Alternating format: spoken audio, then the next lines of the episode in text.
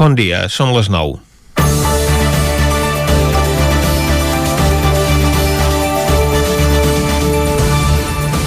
La Direcció General de Consum del Govern Balear està duent a terme una anàlisi exhaustiva de l'oli que es ven als comerços de les illes arran de les deficiències de qualitat detectades. Des de fa dos anys ha obert expedients i ha imposat multes que no han servit perquè la situació millorés. També a Catalunya s'han detectat faltes greus. Es calcula que prop de la meitat de les anàlisis que s'han fet en la qualitat de l'oli d'oliva han detectat fraus.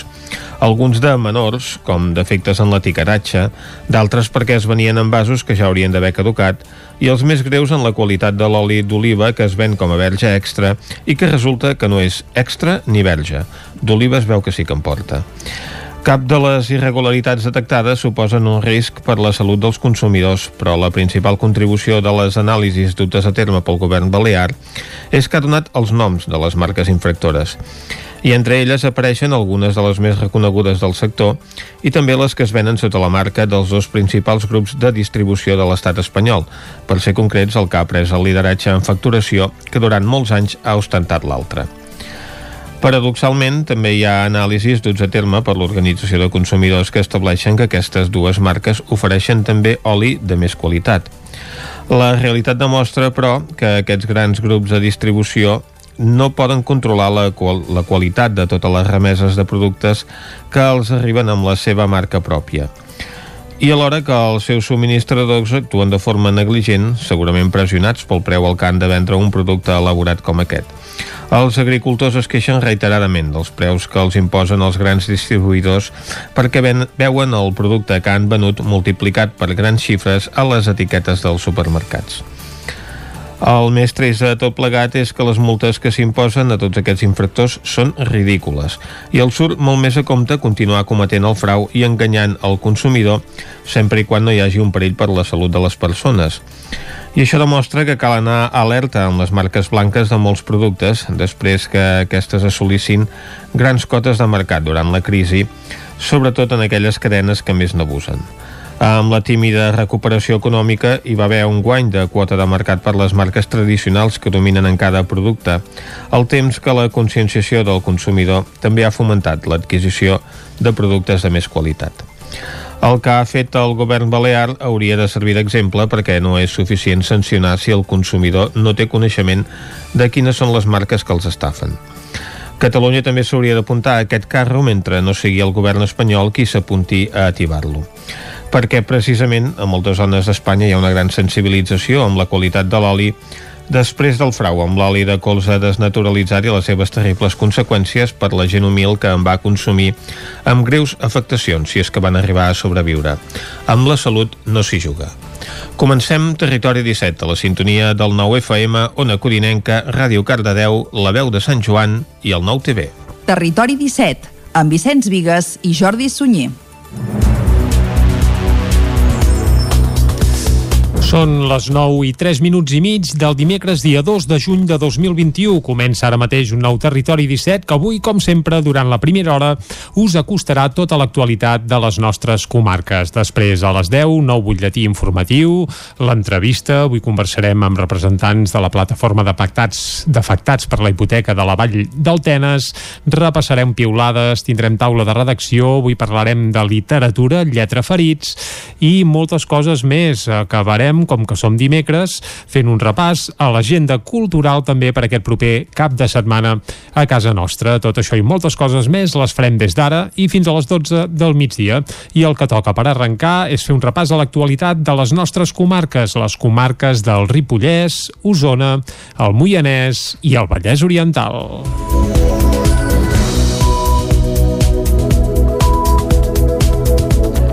L'alcalde de les Masies de Voltregà, Sergi Vilamala, renuncia a l'alcaldia del seu municipi. Aquest migdia s'ha convocat una roda de premsa en què n'explicarà els motius. I Vilamala és alcalde de les Masies de Voltregà des de l'any 2003 i aquest era el seu cinquè mandat al capdavant del consistori. Fins l'any 2015 s'havia presentat sempre sota les cicles del PSC i la darrera vegada, el 2019, ho va fer sota una marca blanca de la mateixa formació, Sumem. En les darreres entrevistes al 9-9 ja havia anunciat que durant aquest mandat acabaria la seva etapa política al capdavant del consistori de les Masies.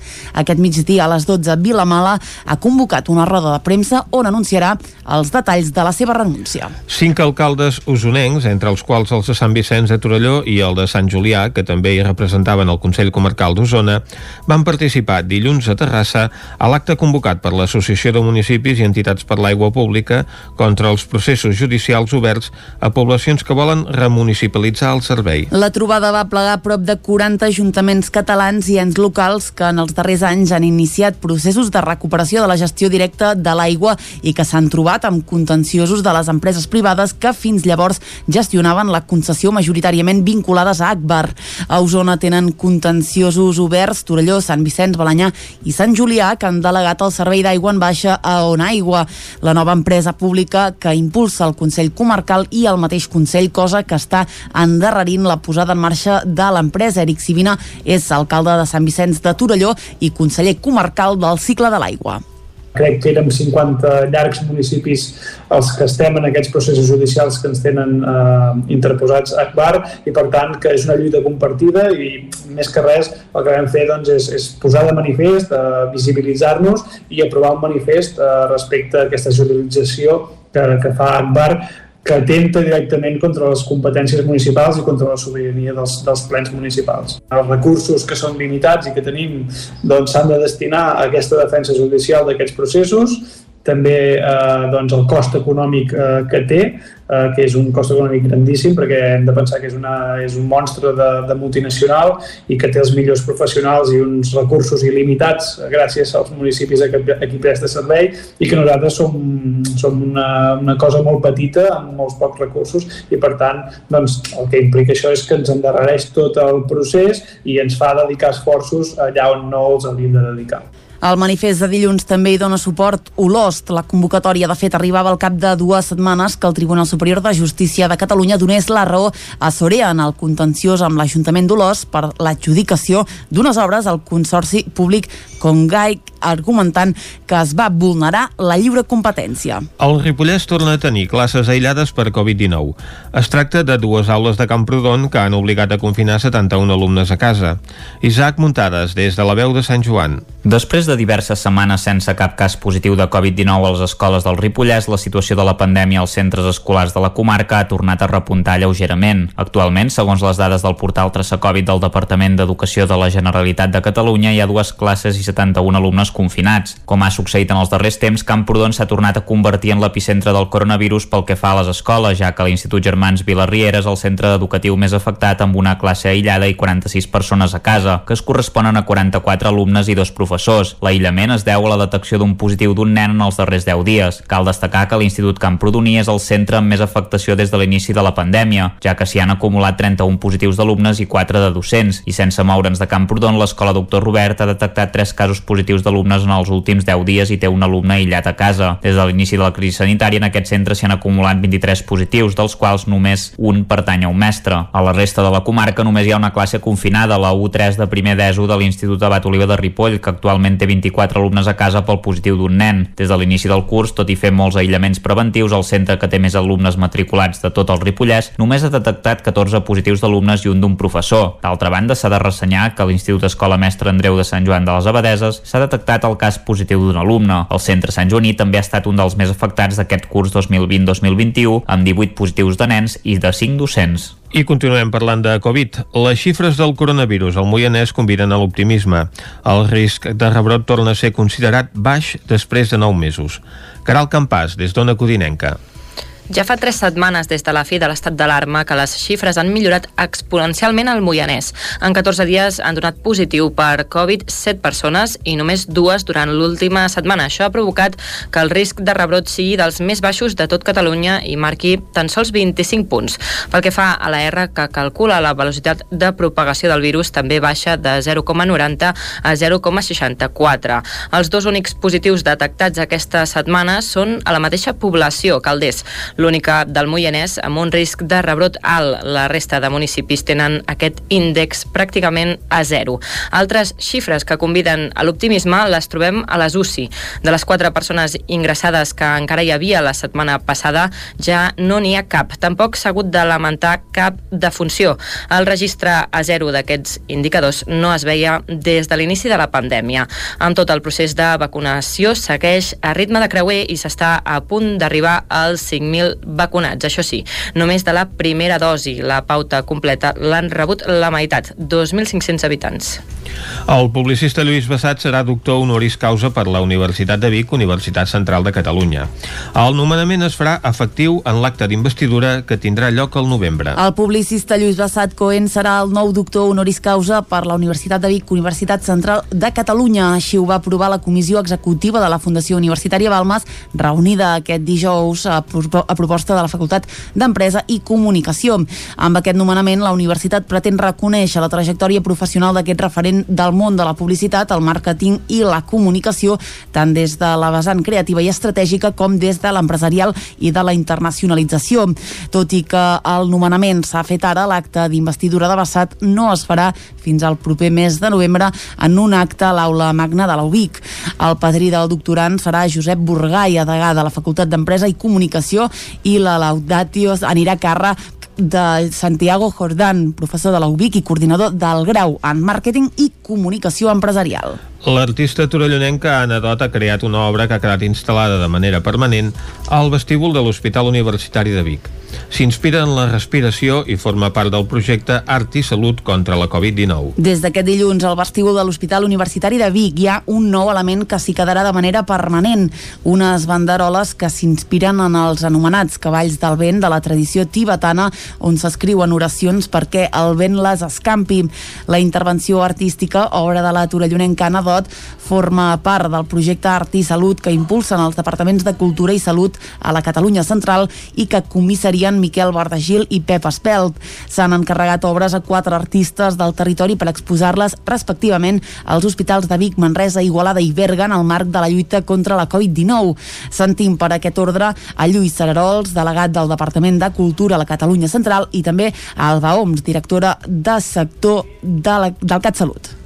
És bàsicament això, una actitud d'agraïment, no? agraïment a, als esforços eh, enormes que heu hagut de, de dur a terme sobretot doncs, les persones del món sanitari i també tota la, diguem tota la comunitat, tota la societat. I que amb l'arribada de les vacunacions doncs, el que ens fa és que veiem aquesta llum no, al final del túnel que tothom parla. En el procés de creació de l'obra, Anadot explica que es va passar un matí i una tarda sencera al vestíbul de l'Hospital Bigatà. Em vaig fixar en això, que hi havia aquests corrents d'aire eh, que això em va cridar molt l'atenció, que més els trànsits de la gent, no? on s'esperaven, per, on, per on passaven, on s'acumulava la gent, Uh, I també doncs, bueno, vaig, vaig arribar a la conclusió d'una una premissa molt bàsica per mi que va ser que, que no volia afegir més caos al caos. És, és un lloc que ja hi ha molta informació. La pregunta que va motivar uh, una mica tot el meu treball era com, com puc portar una respiració aquí els corrents d'aire, la respiració i com fer una intervenció en un espai molt ple van acabar confluint en les banderoles per les que DOT ha utilitzat teixits del mateix hospital amb la forma de la butxaca al pit d'una bata blanca. Ja amb un esbós del projecte va passar una altra jornada al centre hospitalari explicant-lo a personal i també a alguns usuaris. Així va recollir el missatge de benvinguda i d'acompanyament que s'han estampat amb les grafies originals a les banderoles. Dimecres passat es va estrenar al cinema Esbarjo de Cardedeu el documental Cardedeu Coeduca, un projecte pioner a Catalunya sobre coeducació. David Auladell, de Ràdio Televisió Cardedeu. Ara fa 5 anys va començar a Cardedeu un projecte pioner a Catalunya per crear una comunitat igualitària, per formar tots els centres escolars del municipi i a totes les persones que hi formen part, alumnes, mestres, professorat, famílies i totes aquelles persones que estan dins de l'àmbit educatiu. Des de Cardedeu es va engegar aquest projecte que s'ha anat documentant amb imatges des dels seus inicis i entrevistes a persones que ho han viscut des de dins. Des de Ràdio Televisió de Cardedeu i Mic Group s'ha presentat el documental al Cinema Esbarjó de Cardedeu, que recull les experiències viscudes per totes les les parts implicades al projecte. Montse Garriga, tutora de l'Escola Bressol als Daus, i Uc Luquet i regidor d'Igualtat. Sentim a parlar del Cardeu Coeduca, però bueno, ben bé què és, no? I jo crec que aquest documental el que fa una mica és això, no? És, és, és explicar-nos què és no? les entranyes del projecte i jo crec que té molt de valor per això.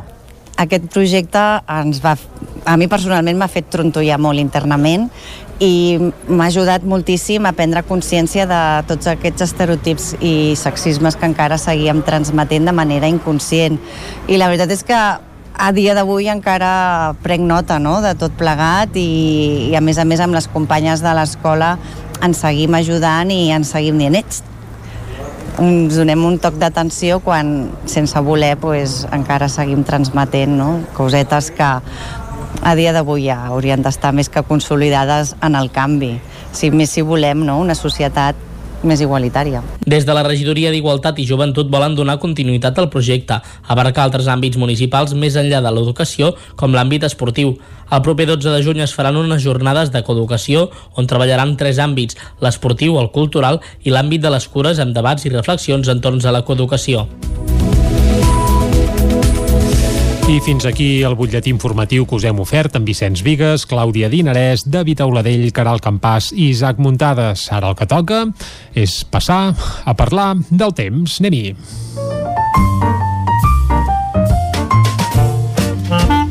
Casa Terradellos us ofereix el temps. I a Territori 17 parlar del temps és parlar amb en Pep Acosta, qui ja tenim a punt i saludem de seguida. Bon dia, Pep. Hola, molt bon dia. I molt bona hora. Com esteu? Bé. Què tal? Anar fent, anar fent. Benvinguts a l'Espai del Temps. Gràcies. Avui ens llevem més fresca.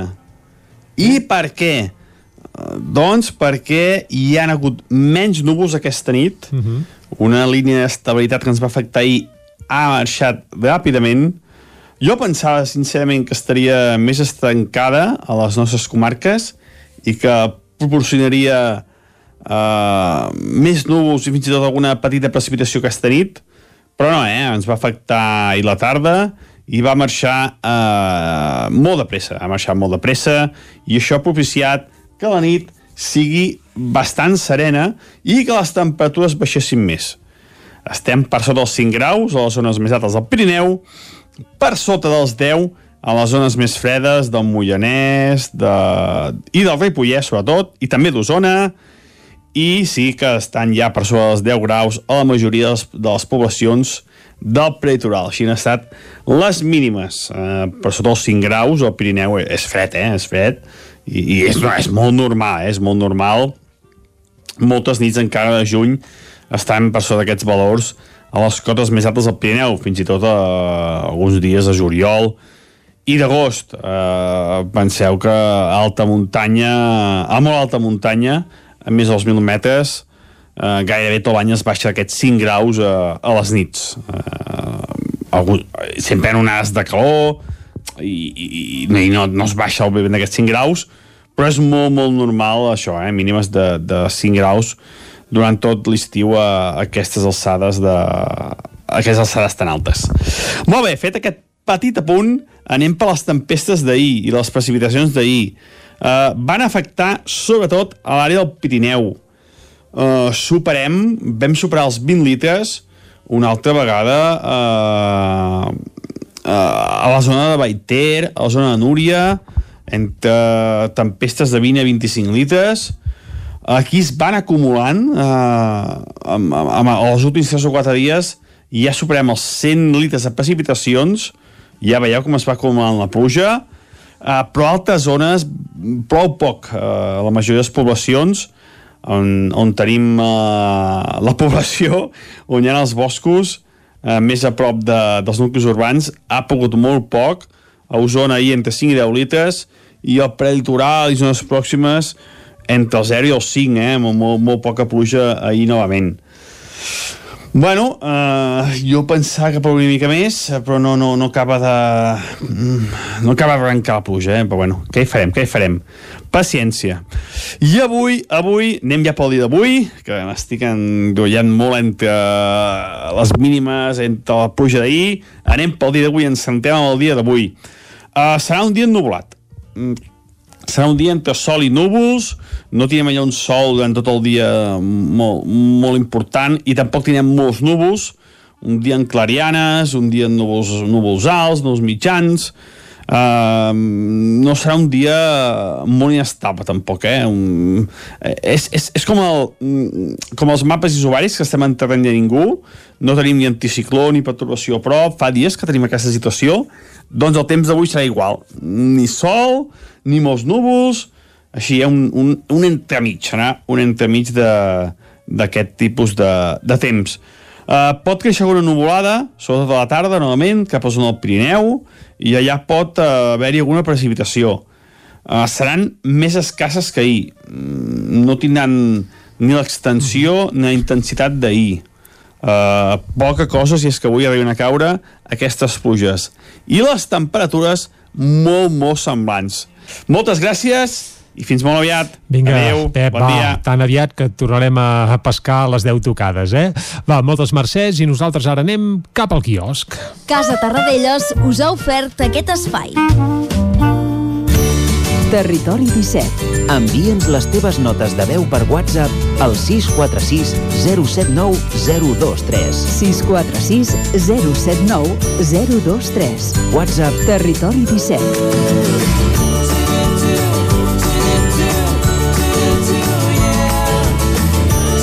Territori 17. Som a Facebook, Twitter i Instagram amb l'usuari Territori 17.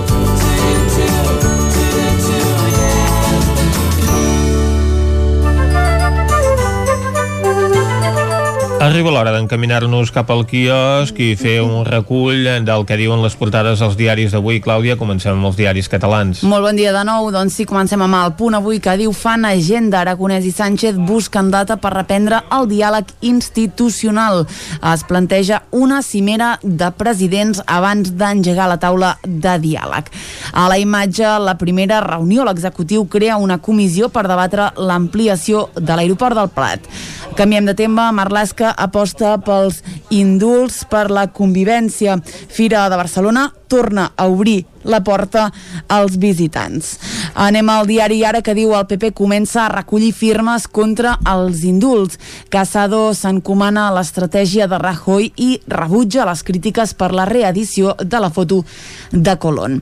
Aquí també parlem de l'acord de la Unió Europea per obligar a les multinacionals a declarar quins impostos paguen a cada país i Sanitat avala Janssen per a la franja de 40 a 49 anys. Avancem, anem al periòdico que diu la vacuna va amb retard a la Barcelona pobra. El ritme d'administració és fins a un 30% més lent en, els, en alguns barris de la capital. Un altre titular de Estats Units desenterra una tragèdia racial 100 anys després. Aquí apareix doncs, un personatge que ja ha aparegut els últims dies a la portada del periòdico. Parlem de Rocío Carrasco.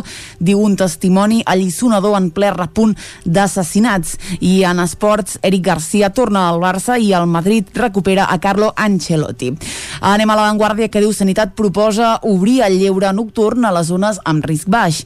La reobertura de discoteques i bars musicals no té data però es planteja fins a les dues de la matinada i amb un aforament màxim del 50%. Aquí ja ens apareix la imatge que aviso obrirà eh, totes les portades de Madrid, el Reis, el Zulo d'Ortega Lara, eh, en tornarem a, a parlar. D'entrada, el Partit Popular inicia la recollida de firmes contra els indults i el govern convoca una taula per decidir el futur del Prat.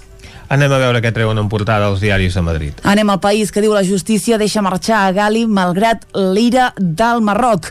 El papa endureix la llei canònica per castigar la pederastra, la pederàstia, i aquí ja veiem aquesta imatge eh, del Reis, el Zulo d'Ortega Lara, a partir d'ara l'anirem veient i un titular pel que fa a la crisi sanitària la immunitat a la Covid és duradera els infectats mantenen la capacitat de fabricar anticossos segons un estudi anem al Mundo que diu el tarifazo, així eh, tal qual ho dic, de la llum neix amb un rècord en la franja més utilitzada. Tornem a veure el Reis, diuen el Zulo de la Vergonya, que va sepultar Ortega Lara. Brahim Gali abandona Espanya enmig de la pitjor crisi amb Rabat i el govern obre la porta ara a que Sánchez se, uh, segui amb Junqueras a negociar. Anem a la raó que diu l'avió per treure Gali, diu venim amb permís diplomàtic. Tornem a veure els Reis, diu la memòria dels Reis amb les víctimes d'ETA i els barons del PP evitaran acudir a la marxa de Colón. Acabem, com sempre, amb l'ABC. Uh, D'una banda, obre amb la crisi migratòria a Ceuta. Uh, diu Rabat juga amb 1.200 menors i reitera les amenaces. Accepta el retorn dels que estan identificats una setmana després de bloquejar la frontera, però es reserva la resposta adequada a les acusacions infundades del govern espanyol. Uh, la imatge que veiem són els reis, diu, tot i que parla només del rei, diu en defensa de la memòria de les víctimes. Els veiem a tots dos en la inauguració a Vitoria del primer centre memorial contra el terrorisme.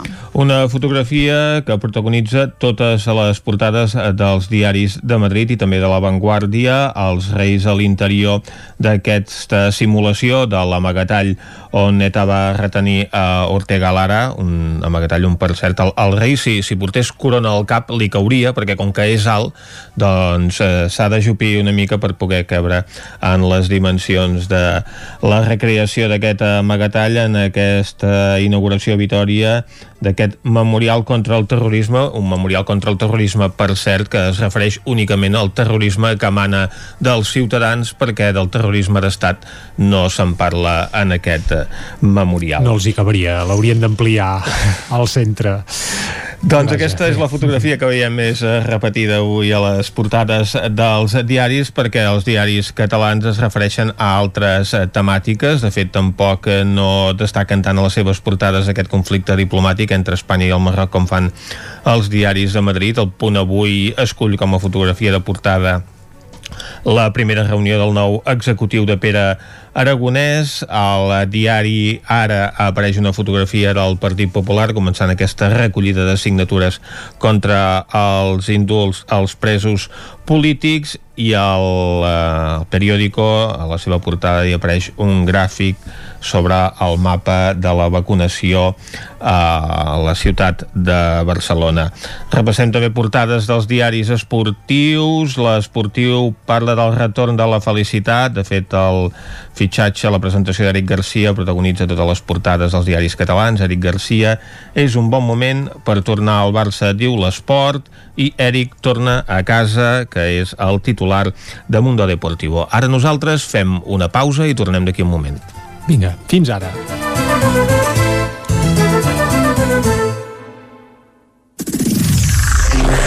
El nou FM. El nou FM. A la llibreria Mater hi trobaràs material escolar i d'escriptori, llibres, revistes i el millor regal.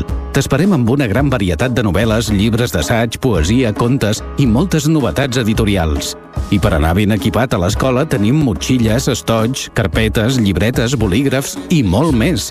Recorda que amb la targeta client tens descomptes. Mater, llibreters amb vocació des de 1957. Llibreria Mater. Ens trobaràs al carrer Pla de Balanyà número 23 de Vic i a mater.cat. A Mobles Verdolet liquidem l'exposició. Vine a veure'ns i renova casa teva. Sofàs, sales d'estudi, dormitoris, matalassos, menjadors, rebedors i complements i molt més. Mobles Verdolet. Mobles fets a mida. Qualitat a bon preu. Ens trobaràs al carrer Morgades, número 14 de Vic i al carrer Nou, número 44 de Torelló. Telèfon 93 380 36 24. Moblesverdolet.com Anuncia't al 9FM. La màquina de casa. 9 3 8 8 9 4 9 4 9. Publicitat arroba al 9FM.cat. Anuncia't al 9FM. La publicitat més eficaç. Sonocar, empresa dedicada a la compra i venda d'automòbils amb més de 20 anys d'experiència. Els nostres vehicles són completament revisats abans de la seva entrega. Quilometratge certificat amb la garantia exclusiva de Sonocar. Financem el 100% del vehicle. Vine a conèixer-nos i t'assessorarem. Sonocar, ens trobaràs a la Rambla Josep Tarradellas, número 2 de Vic, al telèfon 93 883 31 28 i a sonocar.cat. Hi ha sensacions que són úniques. Aquell bany relaxant, mirar per la finestra quan plou i com les calderes Bailand, que li ofereixen fins a 15 anys de cobertura total amb el servei tècnic oficial Bailand. Informis a Oficiat Nord trucant al 93 886 0040. Amb el servei tècnic oficial de Bailand, la seva caldera estarà en les millors mans. A Corretja tenim tot el que necessites per la teva llar. Tot tipus de paviments i revestiments, sistemes d'aïllament, cobertes, parquets, aixetes, ferreteria, pintures, fixació i cargoleria, vestuari i material de seguretat. Disposem de més de 3.500 metres quadrats d'exposició amb una nova zona exterior d'aïllaments. A Corretja som especialistes en cuines i banys. Us assessorem, dissenyem i realitzem el projecte des de l'inici fins a la fi del muntatge. 100% cuines, 100% banys. Al carrer Mas Vigues 8 de Vic, a corretja-sl.com o a Instagram. 100% materials per la construcció i la decoració. 100% corretja. El nou FM, el nou FM, el nou FM, el nou FM. Territori 17, amb Vicenç Vigues i Jordi Sunyer.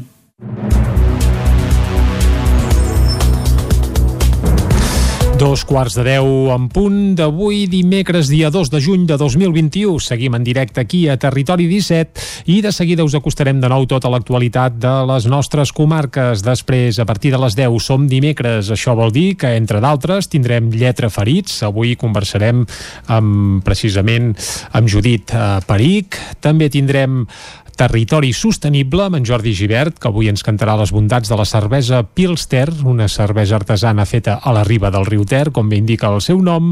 També anirem al Descobrint Catalunya, doncs, per exemple, fins a Sant Martí del Bars, passarem per la R3 i avui acabarem fent un repàs a l'agenda cultural per aquest proper cap de setmana, marcada sobretot per al so de les cases, aquesta espècie de festival que es farà durant tot el cap de setmana a Vic, amb més d'un centenar de concerts a indrets doncs, peculiars i que sovint estan tancats al gran públic. D'això en parlarem a la part final d'un programa que ara segueix acostant-vos de nou l'actualitat de casa vostra, de casa nostra, l'actualitat de les comarques del Ripollès, Osona, el Moianès i el Vallès Oriental. L'alcalde de les Masies de Voltregà, Sergi Vilamala, renuncia a l'alcaldia del seu municipi. Aquest migdia s'ha convocat una roda de premsa en què n'explicarà els motius. I Vilamala és alcalde de les Masies de Voltregà des de l'any 2003 i aquest era el seu cinquè mandat al capdavant del consistori. Fins l'any 2015 s'havia presentat sempre sota les cicles del PSC i la darrera vegada, el 2019, ho va fer sota una marca blanca de la mateixa formació, Sumem. En les darreres entrevistes al 9-9 ja havia anunciat que durant aquest mandat acabaria la seva etapa política al capdavant del consistori de les Masies. Aquest migdia a les 12, Vilamala ha convocat una roda de premsa on anunciarà els detalls de la seva renúncia. Cinc alcaldes usonencs, entre els quals els de Sant Vicenç de Torelló i el de Sant Julià, que també hi representaven el Consell Comarcal d'Osona, van participar dilluns a Terrassa a l'acte convocat per l'Associació de Municipis i Entitats per l'Aigua Pública contra els processos judicials oberts a poblacions que volen remunicipalitzar el servei. La trobada va plegar prop de 40 ajuntaments catalans i ens locals que en els darrers anys han iniciat processos de recuperació de la gestió directa de l'aigua i que s'han trobat amb contenciosos de les empreses privades que fins llavors gestionaven la concessió majoritàriament vinculades a Akbar. A Osona tenen contenciosos oberts Torelló, Sant Vicenç, Balanyà i Sant Julià que han delegat el servei d'aigua en baixa a On Aigua, la nova empresa pública que impulsa el Consell Comarcal i el mateix Consell, cosa que està endarrerint la posada en marxa de l'empresa. Eric Sivina és alcalde de Sant Vicenç de Torelló i conseller comarcal del cicle de l'aigua crec que érem 50 llargs municipis els que estem en aquests processos judicials que ens tenen eh, interposats a Akbar i per tant que és una lluita compartida i més que res el que vam fer doncs, és, és posar de manifest, eh, visibilitzar-nos i aprovar un manifest eh, respecte a aquesta judicialització que, que fa Akbar que atenta directament contra les competències municipals i contra la sobirania dels, dels plens municipals. Els recursos que són limitats i que tenim doncs, s'han doncs, de destinar a aquesta defensa judicial d'aquests processos també eh, doncs el cost econòmic eh, que té, eh, que és un cost econòmic grandíssim perquè hem de pensar que és, una, és un monstre de, de multinacional i que té els millors professionals i uns recursos il·limitats gràcies als municipis a, a qui presta servei i que nosaltres som, som una, una cosa molt petita amb molts pocs recursos i per tant doncs, el que implica això és que ens endarrereix tot el procés i ens fa dedicar esforços allà on no els hauríem de dedicar. El manifest de dilluns també hi dona suport Olost. La convocatòria, de fet, arribava al cap de dues setmanes que el Tribunal Superior de Justícia de Catalunya donés la raó a Sorea en el contenciós amb l'Ajuntament d'Olost per l'adjudicació d'unes obres al Consorci Públic Congai, argumentant que es va vulnerar la lliure competència. El Ripollès torna a tenir classes aïllades per Covid-19. Es tracta de dues aules de Camprodon que han obligat a confinar 71 alumnes a casa. Isaac Muntades, des de la veu de Sant Joan. Després de diverses setmanes sense cap cas positiu de Covid-19 a les escoles del Ripollès, la situació de la pandèmia als centres escolars de la comarca ha tornat a repuntar lleugerament. Actualment, segons les dades del portal Traça Covid del Departament d'Educació de la Generalitat de Catalunya, hi ha dues classes i 71 alumnes confinats. Com ha succeït en els darrers temps, Camprodon s'ha tornat a convertir en l'epicentre del coronavirus pel que fa a les escoles, ja que l'Institut Germans Vilarriera és el centre educatiu més afectat amb una classe aïllada i 46 persones a casa, que es corresponen a 44 alumnes i dos professors. L'aïllament es deu a la detecció d'un positiu d'un nen en els darrers 10 dies. Cal destacar que l'Institut Camprodoní és el centre amb més afectació des de l'inici de la pandèmia, ja que s'hi han acumulat 31 positius d'alumnes i 4 de docents. I sense moure'ns de Camprodon, l'escola Doctor Robert ha detectat 3 casos positius d'alumnes en els últims 10 dies i té un alumne aïllat a casa. Des de l'inici de la crisi sanitària, en aquest centre s'hi han acumulat 23 positius, dels quals només un pertany a un mestre. A la resta de la comarca només hi ha una classe confinada, la U3 de primer d'ESO de l'Institut Abat Oliva de Ripoll, que actualment té 24 alumnes a casa pel positiu d'un nen. Des de l'inici del curs, tot i fer molts aïllaments preventius, el centre que té més alumnes matriculats de tot el Ripollès només ha detectat 14 positius d'alumnes i un d'un professor. D'altra banda, s'ha de ressenyar que a l'Institut Escola Mestre Andreu de Sant Joan de les Abadeses s'ha detectat el cas positiu d'un alumne. El centre Sant Joaní també ha estat un dels més afectats d'aquest curs 2020-2021, amb 18 positius de nens i de 5 docents. I continuem parlant de Covid. Les xifres del coronavirus al Moianès conviden a l'optimisme. El risc de rebrot torna a ser considerat baix després de 9 mesos. Caral Campàs, des d'Ona Codinenca. Ja fa tres setmanes des de la fi de l'estat d'alarma que les xifres han millorat exponencialment al Moianès. En 14 dies han donat positiu per Covid 7 persones i només dues durant l'última setmana. Això ha provocat que el risc de rebrot sigui dels més baixos de tot Catalunya i marqui tan sols 25 punts. Pel que fa a la R, que calcula la velocitat de propagació del virus, també baixa de 0,90 a 0,64. Els dos únics positius detectats aquesta setmana són a la mateixa població, Calders l'única del Moianès amb un risc de rebrot alt. La resta de municipis tenen aquest índex pràcticament a zero. Altres xifres que conviden a l'optimisme les trobem a les UCI. De les quatre persones ingressades que encara hi havia la setmana passada, ja no n'hi ha cap. Tampoc s'ha hagut de lamentar cap defunció. El registre a zero d'aquests indicadors no es veia des de l'inici de la pandèmia. Amb tot el procés de vacunació segueix a ritme de creuer i s'està a punt d'arribar als 5.000 vacunats. Això sí, només de la primera dosi. La pauta completa l'han rebut la meitat, 2.500 habitants. El publicista Lluís Bassat serà doctor honoris causa per la Universitat de Vic, Universitat Central de Catalunya. El nomenament es farà efectiu en l'acte d'investidura que tindrà lloc al novembre. El publicista Lluís Bassat Cohen serà el nou doctor honoris causa per la Universitat de Vic, Universitat Central de Catalunya. Així ho va aprovar la comissió executiva de la Fundació Universitària Balmes, reunida aquest dijous a, a proposta de la Facultat d'Empresa i Comunicació. Amb aquest nomenament, la universitat pretén reconèixer la trajectòria professional d'aquest referent del món de la publicitat, el màrqueting i la comunicació, tant des de la vessant creativa i estratègica com des de l'empresarial i de la internacionalització. Tot i que el nomenament s'ha fet ara, l'acte d'investidura de Bassat no es farà fins al proper mes de novembre en un acte a l'aula magna de la UBIC. El padrí del doctorant serà Josep Burgai, degà de la Facultat d'Empresa i Comunicació, i la Laudatio anirà a de Santiago Jordán, professor de la UBIC i coordinador del grau en màrqueting i comunicació empresarial. L'artista torellonenca Anna Dot ha creat una obra que ha quedat instal·lada de manera permanent al vestíbul de l'Hospital Universitari de Vic. S'inspira en la respiració i forma part del projecte Art i Salut contra la Covid-19. Des d'aquest dilluns al vestíbul de l'Hospital Universitari de Vic hi ha un nou element que s'hi quedarà de manera permanent, unes banderoles que s'inspiren en els anomenats cavalls del vent de la tradició tibetana on s'escriuen oracions perquè el vent les escampi. La intervenció artística, obra de la torellonenca Anna Dot, Dot forma part del projecte Art i Salut que impulsen els departaments de Cultura i Salut a la Catalunya Central i que comissarien Miquel Bardagil i Pep Espelt. S'han encarregat obres a quatre artistes del territori per exposar-les respectivament als hospitals de Vic, Manresa, Igualada i Berga en el marc de la lluita contra la Covid-19.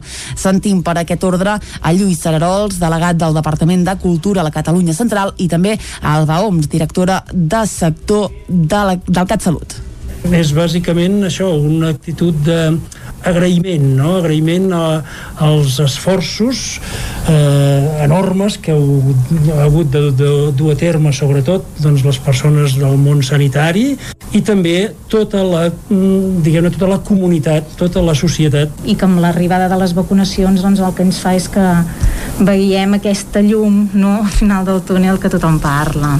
En el procés de creació de l'obra, Anadot explica que es va passar un matí i una tarda sencera al vestíbul de l'Hospital Bigatà em vaig fixar en això, que hi havia aquests corrents d'aire, eh, que això em va cridar molt l'atenció, que més els trànsits de la gent, no? on s'esperaven, per, on, per on passaven, on s'acumulava la gent, Uh, I també doncs, bueno, vaig, vaig arribar a la conclusió d'una una premissa molt bàsica per mi que va ser que, que no volia afegir més caos al caos. És, és un lloc que ja hi ha molta informació. La pregunta que va motivar uh, una mica tot el meu treball era com, com puc portar una respiració aquí els corrents d'aire, la respiració i com fer una intervenció en un espai molt ple van acabar confluint en les banderoles per les que DOT ha utilitzat teixits del mateix hospital amb la forma de la butxaca al pit d'una bata blanca.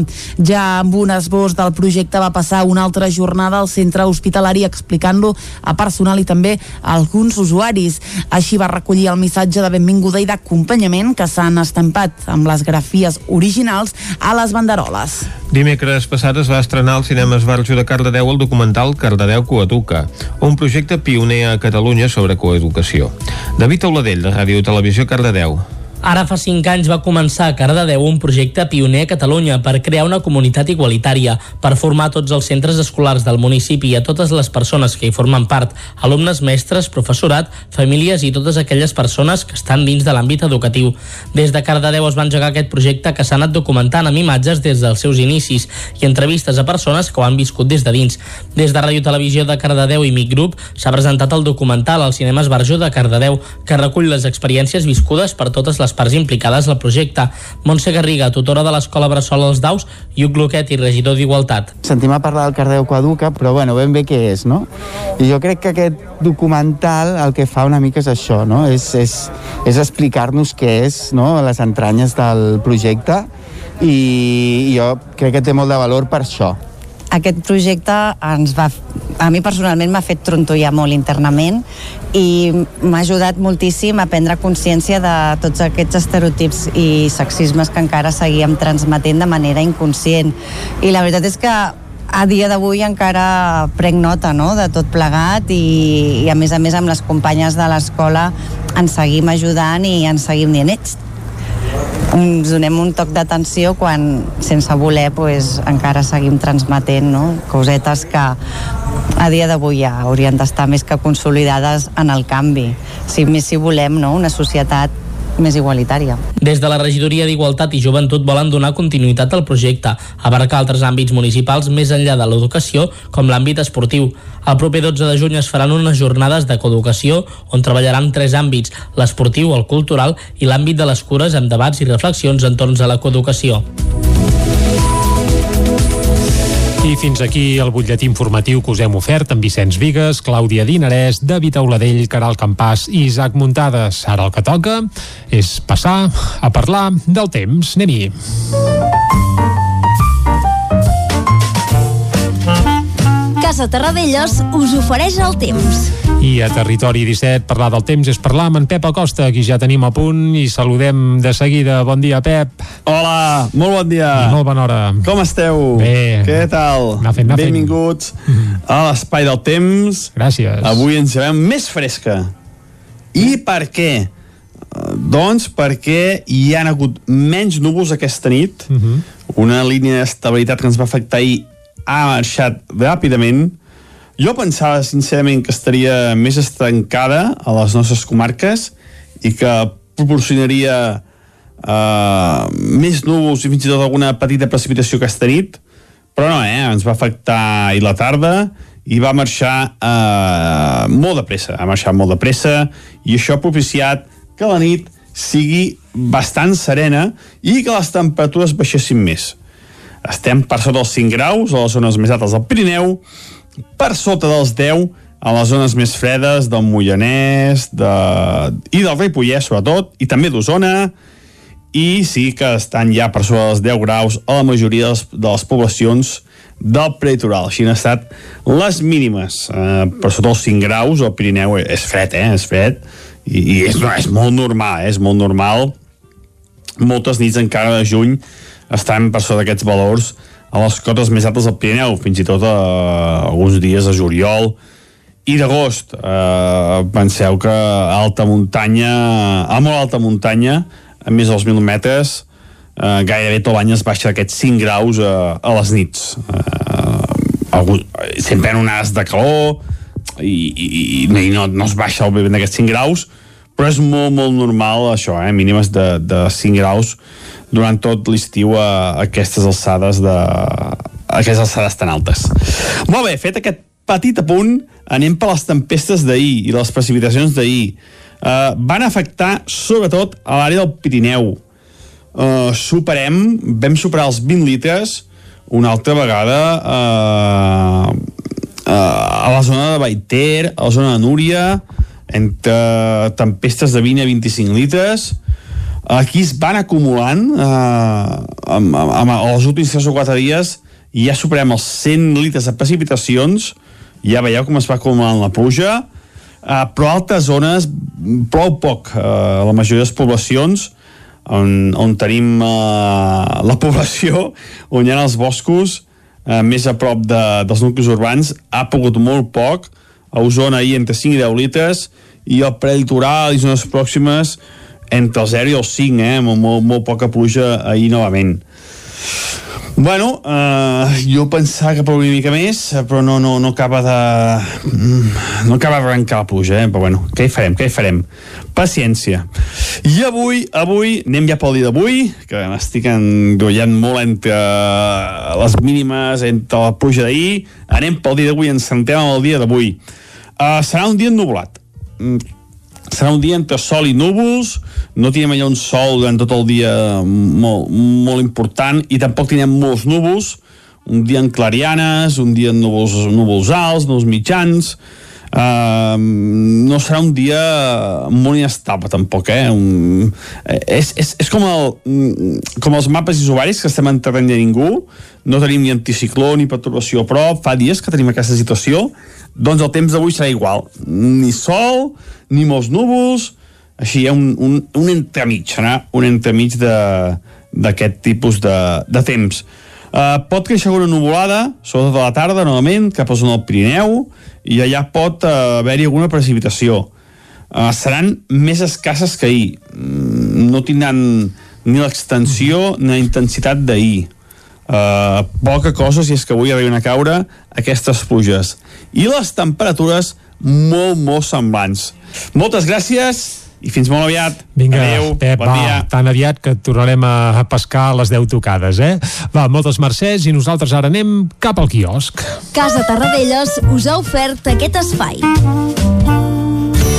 Territori 17. Envia'ns les teves notes de veu per WhatsApp al 646 079 023. 646 079 023. WhatsApp Territori 17.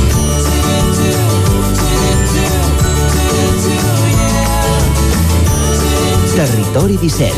Som a Facebook, Twitter i Instagram amb l'usuari Territori 17.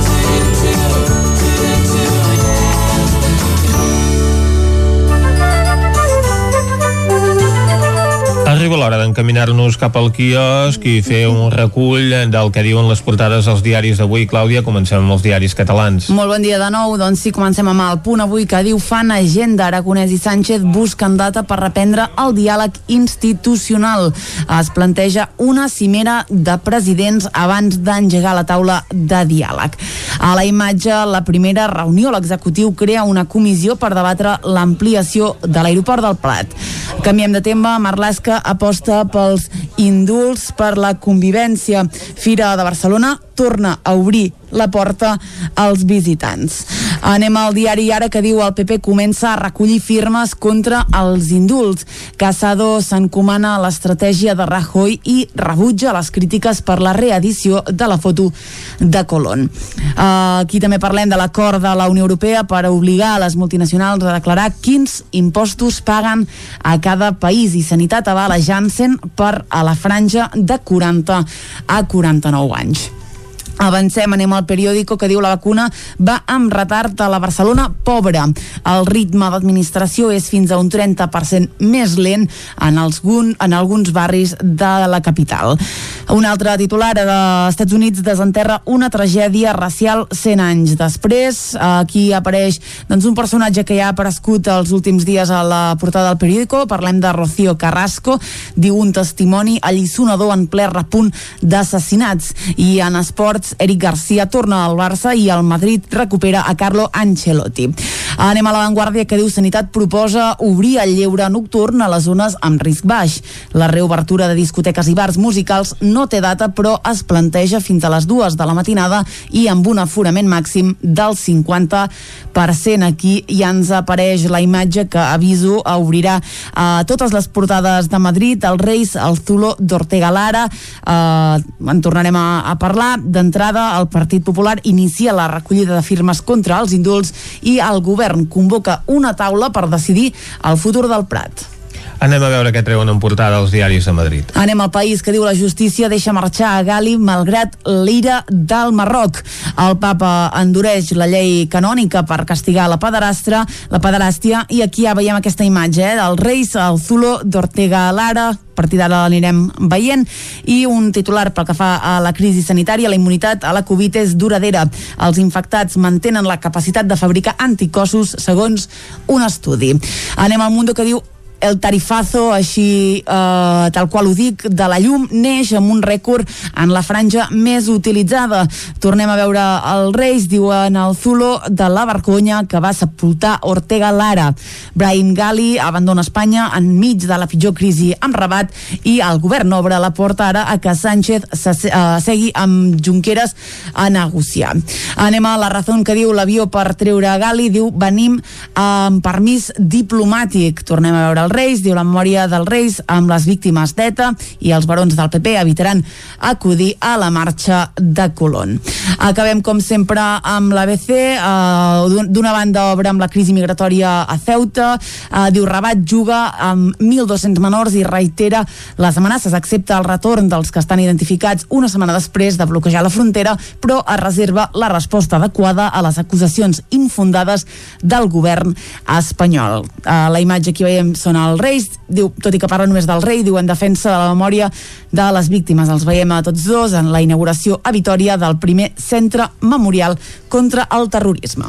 Una fotografia que protagonitza totes les portades eh, dels diaris de Madrid i també de La Vanguardia, els reis a l'interior d'aquesta simulació de l'amagatall on ETA va retenir a Ortega Lara, un amagatall on per cert el, el rei si, si portés corona al cap li cauria perquè com que és alt doncs eh, s'ha d'ajupir una mica per poder cabre en les dimensions de la recreació d'aquest amagatall en aquesta inauguració a Vitoria d'aquest memorial contra el terrorisme, un memorial contra el terrorisme, per cert, que es refereix únicament al terrorisme que emana dels ciutadans, perquè del terrorisme d'estat no se'n parla en aquest memorial. No els hi cabria, l'haurien d'ampliar al centre. Doncs aquesta és la fotografia que veiem més eh, repetida avui a les portades dels diaris perquè els diaris catalans es refereixen a altres eh, temàtiques. De fet, tampoc eh, no destaquen tant a les seves portades aquest conflicte diplomàtic entre Espanya i el Marroc com fan els diaris de Madrid. El punt avui escull com a fotografia de portada la primera reunió del nou executiu de Pere Aragonès. Al diari Ara apareix una fotografia del Partit Popular començant aquesta recollida de signatures contra els indults als presos polítics i al eh, periòdico a la seva portada hi apareix un gràfic sobre el mapa de la vacunació a la ciutat de Barcelona. Repassem també portades dels diaris esportius. L'esportiu parla del retorn de la felicitat. De fet, el fitxatge, la presentació d'Eric Garcia protagonitza totes les portades dels diaris catalans. Eric Garcia és un bon moment per tornar al Barça, diu l'esport, i Eric torna a casa, que és el titular de Mundo Deportivo. Doncs això, protagonisme per Eric Garcia, que es veia veure que acabaria vestint de blaugrana, eh? és, Estava un serial, cantat. és un serial que portava mesos ja que es anava coent, no? Uh, serà el nou Gerard Piqué o què? Això ho diu tothom, però... A veure, tant de bo. Però, però bé, bé almenys... Tant de bo perquè el que li convé al Barça precisament és tenir referents de casa en aquest equip. És el que anava a dir, almenys un catalano parlant més a, a l'equip, que sempre, sempre va bé Mhm. i fa que, bé, que la identificació entre jugadors i afició, una afició que per cert porta ja dues temporades sense poder assistir a l'estadi, doncs Mhm. augmenti. Tant de bo puguem començar la temporada vinent omplint de nou els estadis, que ja es veurà. De moment no, però Mhm.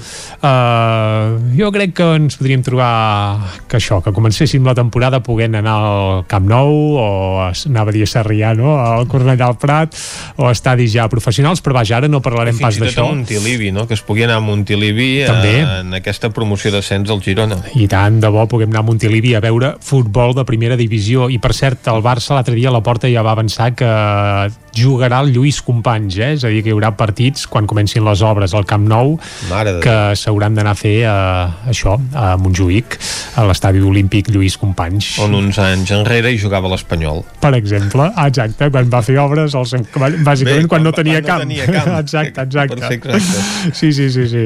Uh, va, deixem els camps, deixem els Borbons, també m'ha fet gràcia aquella referència que feies a quan entrava el Zulo d'Ortega Lara, que no, no hi cabia, i m'ha vingut al cap la cançó aquella de que si el rei vol corona, corona li darem, que vingui a Barcelona i el coll li tallarem, una cançó popular que ja es va fer eh, molt coneguda fa gairebé tres segles i que bé, que últimament també havia sonat de nou i que van recuperar els enyorats mesclat, però avui no escoltarem aquesta cançó, tot i que també estaria bé, sinó que us en portem uh, una altra de cançó, una estrena d'aquelles mundials que portem de tant en tant aquí a Territori 17. És d'un artista que, eh, del qual ja us vam parlar fa una quinzena de dies, és l'Home Trencat, i darrere de l'home trencat hi ha el Guillem Rigol.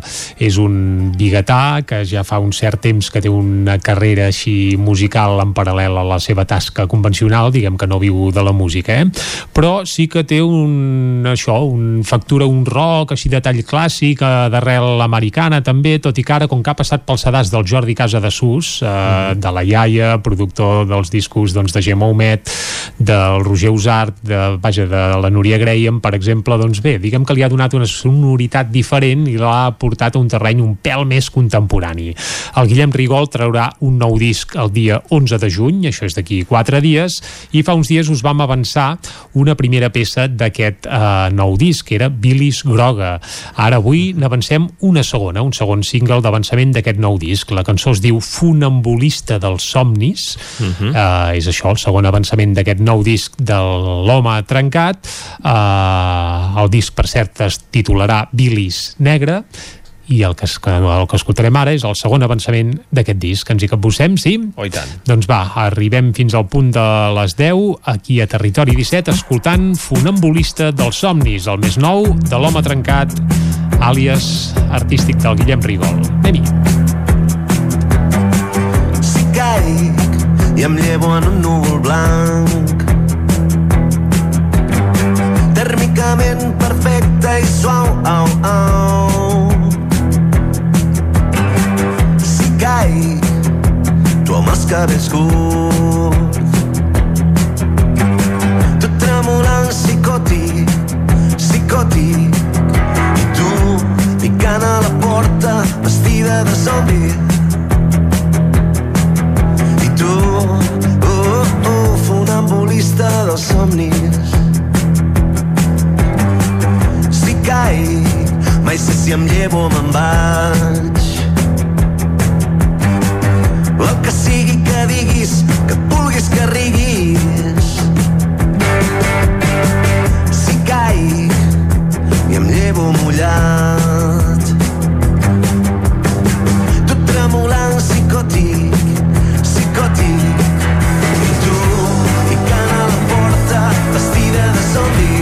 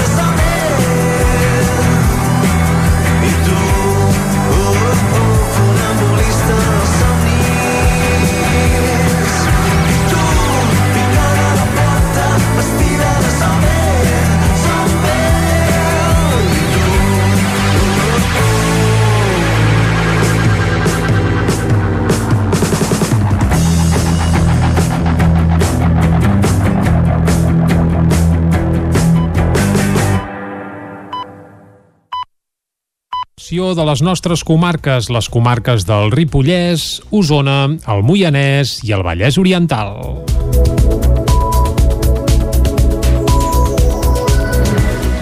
Tots els grups de l'Ajuntament de Torelló demanen l'ampliació de l'edifici del centre d'atenció primària.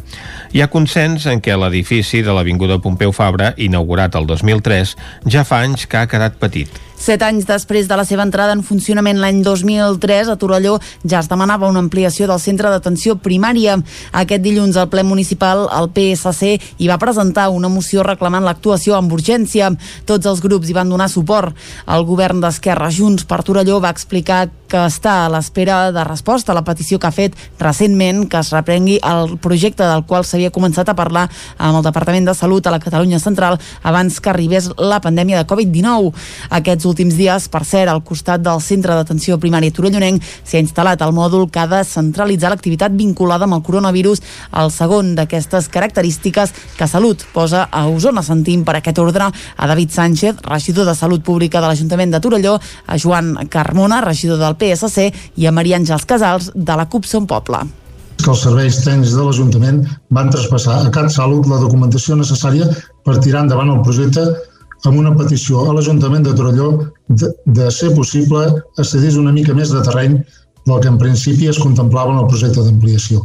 A banda del creixement de la població atesa, des de la posta en funcionament fins a l'actualitat ha crescut en més d'un 13%, cal afegir-hi que cada vegada hi ha més servei que s'estan fent des de primària. La pandèmia més ens ha fet veure que ens calen edificis que permetin circuits diferents segons patologia respiratòria o no, bona ventilació i possibilitat de neteja freqüent. En la sessió plenària de Torelló també es van aprovar dos punts relacionats amb el romanent de tresoreria. L'Ajuntament destinarà 661.000 euros a noves partides o a complementar-ne de ja existents i que en part han de servir per fer front a la crisi del coronavirus. En destaquen els 128.000 euros que es destinen a serveis socials. Un milió i mig d'euros també es destinen al romanent eh, del romanent, perdoneu, serviran per cobrir totalment o parcialment inversions que s'havien de financiar amb crèdit. Entre aquestes hi ha l'inici l'inici de la reforma de la nau de carrossaires, la climatització de la sala polivalent o més asfaltat de carrers. Els bombers rescaten un excursionista que s'havia desorientat després de fer el cim del Vestiments, al Ripollès. Isaac Muntades, des de la veu de Sant Joan. Aquest passat dimarts, els bombers van aconseguir trobar un excursionista de 36 anys que va sortir al matí a fer el pic de vestiments a set cases i que no havia tornat a l'hora prevista per dinar. L'avís es va fer pels vols de 3 quarts menys 5 de 12 de la nit. La recerca va començar de matinada i immediatament es van haver d'activar quatre dotacions de bombers amb efectius del grup d'actuacions especials del cos. Els Mossos d'Esquadra van localitzar el seu vehicle aparcat al pàrquing de l'estació d'esquí de Vallter 2000 i van començar la recerca pujant cap a dalt al coll de la Marrana. Després d'una estona buscant-lo, el van localitzar quan faltava faltaven 10 minuts per les dues de la matinada. L'home estava il·lès i s'havia refugiat a una caseta de la zona del bar. L'havia sorprès un canvi de temps que va provocar que es desorientés fins a perdre's fins que van trobar el refugi. Els bombers el van acompanyar fins al seu vehicle. El Centre Històric de Caldes de Montbui incorpora càmeres de videovigilància per regular l'accés dels vehicles al nucli antic. Caral Campàs, des d'una Codinenca. Des d'aquest mes de juny, la circulació al casc antic de Caldes es regularà amb un sistema de càmeres de videovigilància. Aquests aparells s'han instal·lat a tres dels carrers d'accés al nucli antic. L'objectiu, segons el consistori, és preservar els elements patrimonials del municipi i a partir d'ara l'accés al centre serà exclusiu per vianants, vehicles de residents i serveis. El nou sistema substitueix el que hi havia fins ara de pilones hidràuliques que els mateixos veïns pujaven i baixaven amb comandament a distància els constants problemes de manteniment i l'elevat cost que suposaven, però, han portat a replantejar-ho. L'element novedós del nou sistema de càmeres és que són les persones i activitats residents al casc antic els qui autoritzen quins vehicles poden entrar. Tots ells disposen d'un sistema que els permet donar d'alta els vehicles que han d'entrar al barri de manera reiterada. També permet als veïns informar a posteriori sobre matrícules que hi hagin hagut d'accedir per atendre necessitats relacionades amb la seva vida. Jaume Mauri és regidor d'Espais Públics i Mobilitat. Aquest sistema de restricció de, de, del trànsit a la, al casc antic crea uns horaris d'obertura a tothom, que seran de dilluns a divendres, de 9 del matí a la 1 de la migdia. Aquí podrà entrar qualsevol, sense cap mena de restricció. Llavors, a partir d'aquestes hores ja comença la, el sistema a funcionar. Alguna, si hi ha alguna persona que ha entrat al barri i no s'ha registrat per ser autoritzat, si ho fa una vegada durant un mes, doncs no hi ha denúncia si ho fa dues vegades en un mes hi haurà una denúncia que és la segona vegada. O sigui, hi ha una tolerància d'una instru instrucció eh, sense autoritzar. El nou sistema entra en període de proves aquest mes i al setembre es farà una primera valoració del funcionament tenint en compte les opinions i consultes que el veïnat faci arribar a l'Ajuntament. A partir d'aquell moment s'anunciarà quan es comença a sancionar els vehicles no autoritzats. Les infraccions ocasionals no rebran sanció, atès que el sistema té com a única voluntat frenar els usos abusius de trànsit rodat al barri. Prats de Lluçanès ha col·locat una llamborda als Stolperstein eh, davant d'on va viure Francisco Rovira i Vinyoles. Va ser dissabte, en una jornada de memòria històrica que va comptar amb la presència del fill de Rovira i de Jordi Font, director del Memorial Democràtic. El número 57 del carrer Sant Pere de Prats de Lluçanès, just on va residir Francisco Rovira Vinyoles, i llueix des de dissabte una llamborda Stolperstein. Nascut a Prats i espardanyer de professió durant la Guerra Civil Espanyola, Rovira va ser secretari del Sindicat d'Art Textil de la UGT i va simpatitzar amb les esquerres. L'any 1944 va ser detingut pels alemanys a França i deportat al camp de concentració de Dachau, d'on va ser alliberat el 29 d'abril de l'any 1945. A l'acte de dissabte hi va ser el seu fill, Richard Rovira i li faltava l'homenatge espanyol i català sobretot i del poble seu d'allà on va néixer i, i d'on va marxar per anar amb un altre problema que, que es va trobar a França. En vez de tenir més tranquil·litat, va tenir més problemes. Però em sembla que era la seva vida i el seu destí que era així. La de Rovira és la tercera llamborda que es col·loca al poble. Se suma a les de Malció, Capdevila i Josep Tarradellas. L'Ajuntament de Prats ja té clara a qui es dedicarà la quarta. Montserrat Joventeny és regidora de Patrimoni de l'Ajuntament de Prats de Lluçanès. Degut a la recerca que s'estan fent aquí des de historiadors i historiadores locals, doncs anem trobant informació i una d'aquestes eh, noves que s'ha trobat doncs, és que hi haurà una persona eh, que també haurà de tenir aquestes Stolperstein al nostre municipi i a més a més serà la primera dona. Jordi Font, director del Memorial Democràtic, assegurava que homenatges com el de dissabte a Prats haurien de servir per foragitar els corrents negacionistes que han aflorat els últims anys a l'estat espanyol. Actes com el d'avui el, el que d'alguna manera representa és un, és un reconeixement a aquestes persones que es van comprometre a defensar eh, principis que en els quals eh, ara donem com a suposats, com per exemple la llibertat, la democràcia, els drets humans, eh, i per tant penso que és imprescindible continuar fent aquest, aquesta tipologia d'actes. L'acte va comptar amb les actuacions musicals de l'Escola de Música i Arts del Lluçanès. Sant Julià de Vilatorta va presentar dissabte Ceràmic, la reformulació de la Fira del Tupí. Una experiència entorn al fang que va tenir dos mestres de cerimònies, el ceramista Jan Madrenes i el periodista Òscar Dalmau. Els assistents, repartits en bombolles familiars, van aprendre a tornejar un bol de ceràmica. Amb cercles de color blau pintats al terra del parc de les Set Fonts, dissabte una vintena de bombolles familiars van assistir a la presentació del Keràmic, la reformulació de la Fira del Tupí. Sota la batuta del ceramista Jan Madrenes i del periodista Òscar Dalmau es va presentar una fira que a partir de l'any vinent es convertirà en una experiència entorn del fang. Núria Nufreries és la directora artística del Keràmic. Bàsicament el keràmic en aquesta nova evolució el que vol és que siguin experiències en fang, eh, que es converteixin en una festa del fang per totes les edats. Avui iniciem el torn i l'any que ve hi haurà doncs, tot el parc ple, 12 hores de tallers en directe, amb torns que es van distribuir per les diferents bombolles, la vintena de grups van aprendre a tornejar un bol de ceràmica. Ho van fer amb un fang de baixa temperatura, ho explica el ceramista Jan Madrenes. A Sant Julià, concretament, és un, i, i, bueno, i quasi bé Catalunya, és una regió que s'ha treballat molt sempre amb fangs de baixa temperatura. Uh, bàsicament perquè és el que tenim al país, és el que hi ha. Entre els assistents hi va haver qui ho va trobar més fàcil que d'altres. És el cas de l'Arlet, una nena de 8 anys de Sant Julià que responia així a les preguntes del periodista Òscar Dalmau. Ho has trobat fàcil o difícil, això? Fàcil. Mm? Ho havies fet alguna altra vegada? No. És la primera. Sí.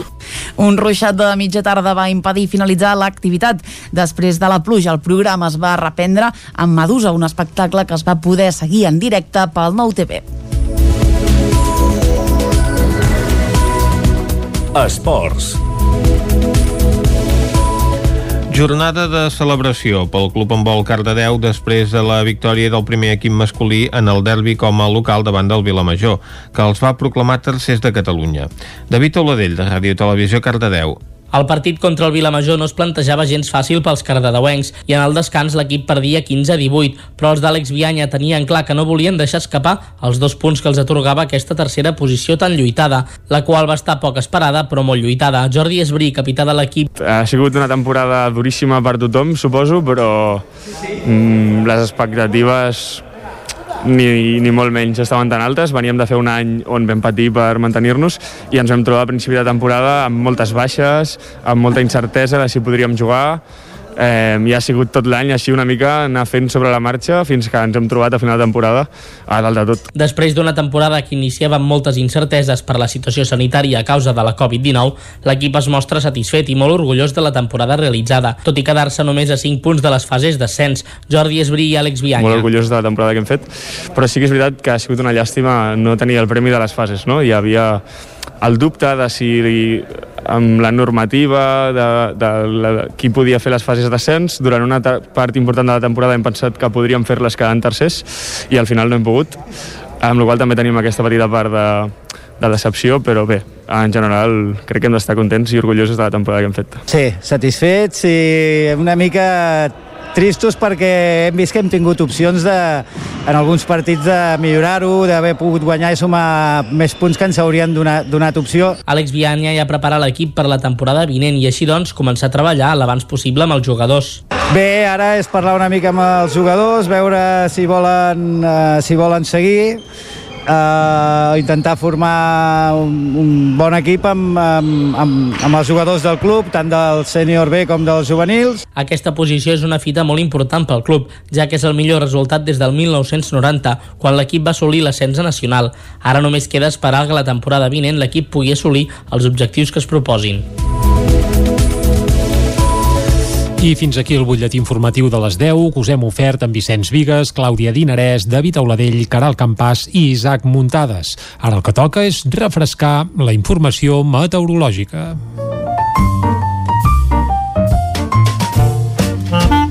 Casa Terradellos us ofereix el temps. I en Pep Acosta ens explicarà si aquest refrescar serà tal qual, literal, és a dir, ens tornarem a mullar avui a la tarda o no. Ens explica de seguida el temps que ens espera pel que queda de, de dimecres. Pep Acosta, bon dia de nou. Hola, molt Hola, bon dia. Va, Bueno, explica'ns el eh, tema. jo pensava que plouria una mica més, Ahir però no, sí. no, no acaba de... mm, No acaba d'arrencar la pluja, eh? però bueno, què hi farem, què hi farem? Paciència. I avui, avui, anem ja pel dia d'avui, que m'estic enrollant Home, molt sí, però Déu-n'hi-do el que va ploure, les? Després ho mínimes, repassarem. entre la pluja d'ahir, anem pel dia d'avui, ens centrem en el dia d'avui. Uh, serà un dia ennublat. Mm, serà un dia entre sol i núvols, no tindrem allà un sol durant tot el dia molt, molt important i tampoc tindrem molts núvols, un dia en clarianes, un dia en núvols, núvols alts, núvols mitjans, Uh, no serà un dia molt inestable tampoc eh? un, eh, és, és, és com, el, mm, com els mapes isobaris que estem en terreny de ningú no tenim ni anticicló ni perturbació a prop fa dies que tenim aquesta situació doncs el temps d'avui serà igual ni sol, ni molts núvols així hi ha un, un, un entremig serà un entremig d'aquest tipus de, de temps uh, pot créixer alguna nuvolada sobretot a la tarda novament cap a zona del Pirineu i allà pot uh, haver-hi alguna precipitació. Uh -huh. uh, seran més escasses que ahir. Mm, no tindran ni l'extensió ni la intensitat d'ahir. Uh, poca cosa si és que avui arriben a caure aquestes pluges. I les temperatures molt molt semblants. La majoria de màximes entre els 23 i els 28 graus.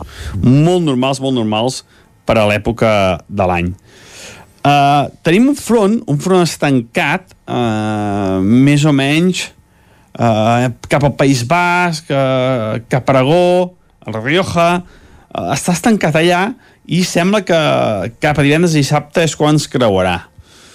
Uh, veurem si ens aporta més precipitació, sembla que sí, serà un canvi de temps més important, però veurem, eh? perquè sempre dic que sí i al final és que poca cosa.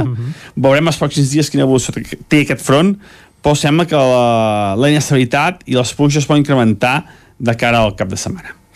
Moltes gràcies i fins molt aviat. Va, Adéu, uh, moltes bon gràcies dia. a tu, Pep, bon dia. I Vicenç, en Pep estava una mica defraudat perquè diu que va ploure poc, però en alguns racons del territori 17, déu nhi ahir els xàfecs que van caure, és a dir, va haver algunes precipitacions prou importants, eh? Recollim-ne algunes. Ja ho ha dit ell com més va ploure és al Pirineu amb aquests eh, 22,7 litres de Núria 21 i mig a Ull de Ter però per exemple a la zona de el Lluçanès a Sant Boi i fins a Cussons aquest barri de, de Sora, de Sora doncs van caure 15 litres ahir. Déu nhi 11 a Ribes de Freser 9 a Molló o al Pens, 8 i mig a Montesquieu, són alguns dels punts on més va ploure ahir, i avui doncs, ha refrescat també perquè precisament en aquests mateixos punts, a Núria o Ull de Ter, doncs, les temperatures mínimes, 2 graus i 8 dècimes a Núria, 4,3 a Ull de Ter, 6 graus a Ribes, no han arribat als 7 a Molló, 7 a Planoles,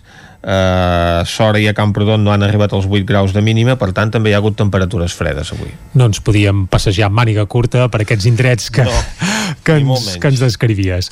Molt bé, fet aquest apunt meteorològic, uh, una breu pausa i de seguida anem cap a l'entrevista. Anem-hi. Casa Tarradellas us ha ofert aquest espai. Territori 17. Envia'ns les teves notes de veu per WhatsApp al 646 079 023. 646 079 023. WhatsApp Territori 17.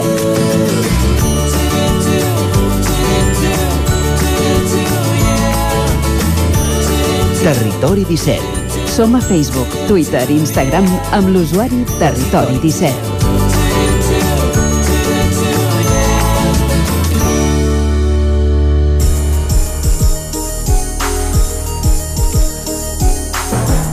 Aquest divendres, Vigues i Riells es van reunir més d'una vintena de veïns per aturar una desocupació que s'havia de produir al centre de la població. Segons la PA, a l'edifici hi viu una família en situació de vulnerabilitat, amb una mare soltera i amb dos fills petits. Anem a conèixer més detalls d'aquesta situació. Anem a una corinenca amb la Caral Campàs. Caral, bon dia. Hola, bon dia, Vicenç. Uh, parlem, doncs, amb Rafa, portaveu de la PAP Vall del Tenes, uh, que des d'aquesta entitat es van volcar per aturar aquesta desocupació que finalment no es va fer efectiva doncs, el passat divendres. Bon dia, Rafa. Hola, bon dia. Eh, vull puntualitzar una cosa. Som la PAP Vall del Tenes, l'Ametlla del Vallès, no? perquè, perquè ens va costar aquesta... però som així, per puntualitzem. I també podíem incluir a Sant Feliu de Codines, per descomptat, no? Perquè ens separa un carrer, només. Però... Molt bé. Fet aquesta puntualització, Pa Vall del Tenes, a l'Ametlla, eh, com va anar la situació divendres? com totes, complicada, amb molts de nervis, amb, bueno, com en desagradable, no una cosa molt agradable, perquè a ningú li agrada eh, estar en aquestes situacions. Nosaltres els primers, és a dir, no disfrutem parant de saucis ni desocupaments, al contrari, eh, ens, ens afecta molt anímicament, no? perquè eh, portem ja 10 anys en aquesta lluita i això no s'acaba, al contrari, es multiplica dia a dia. No? no, no, no, el veiem, no veiem la llum. No? Aquest Covid que es va, que va vindre el 2008 el tenim aquí cada dia i cada dia és més gran i més transversal. Uh, aquest desnonament ara mateix eh, queda aturat fins l'estiu, oi? Sí, queda aturat, en aquest moment està aturat fins a l'1 d'octubre, per una qüestió de forma. Eh, nosaltres farem, intentarem que es canvi eh, amb els abogats que tenim que es canvi la forma, és dir, perquè no va ser una, una, un desauci per ocupació, va ser un desauci per impagament d'hipoteca als antics propietaris de la casa. És a dir, uh -huh.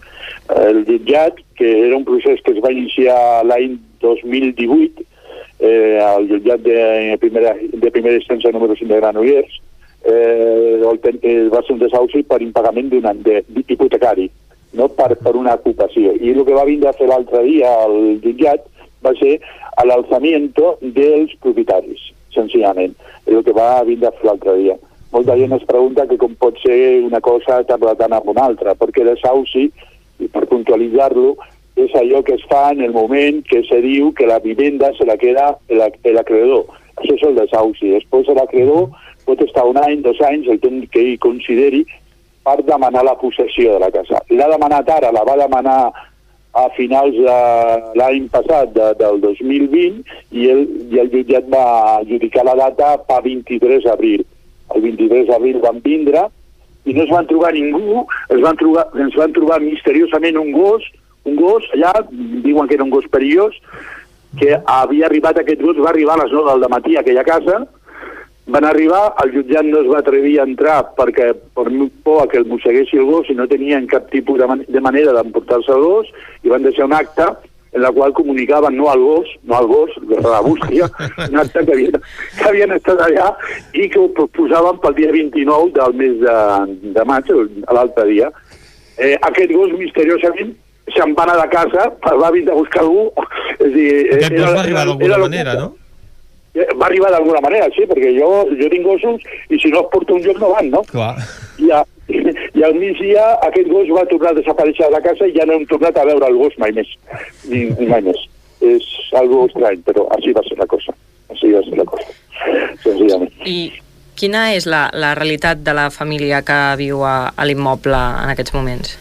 Vale, jo explicaré la realitat de la família amb allò que jo puc explicar per una qüestió de privacitat de, de, la, de la família, m'enteneu, no? És dir, hi ha coses que jo les conec però no les puc explicar, obvi, -huh. però és, parlaré de tot a, fins allà on pugui arribar, dintre de la legalitat. I aquesta és una família d'ètnia gitana que va arribar, és a dir, l'alçament aquest que es va fer va ser el 23 d'abril, i aquesta família va arribar a la casa, si jo no m'equivoco, sobre el 26, 25-26 va arribar a aquesta casa, a, aquí a Vigues i Riells, uh -huh. i la, la van ocupar, van ocupar la casa. Uh -huh. És una noia que ha sofert, ha sofert eh, violència de gènere per su, su antiga parella, té, té un fill petit de 8 anys de l'anterior de la seva anterior parella i una nena petita d'un any i escaig eh, en, aqu en aquest moment. La situació en aquest moment és que este, es,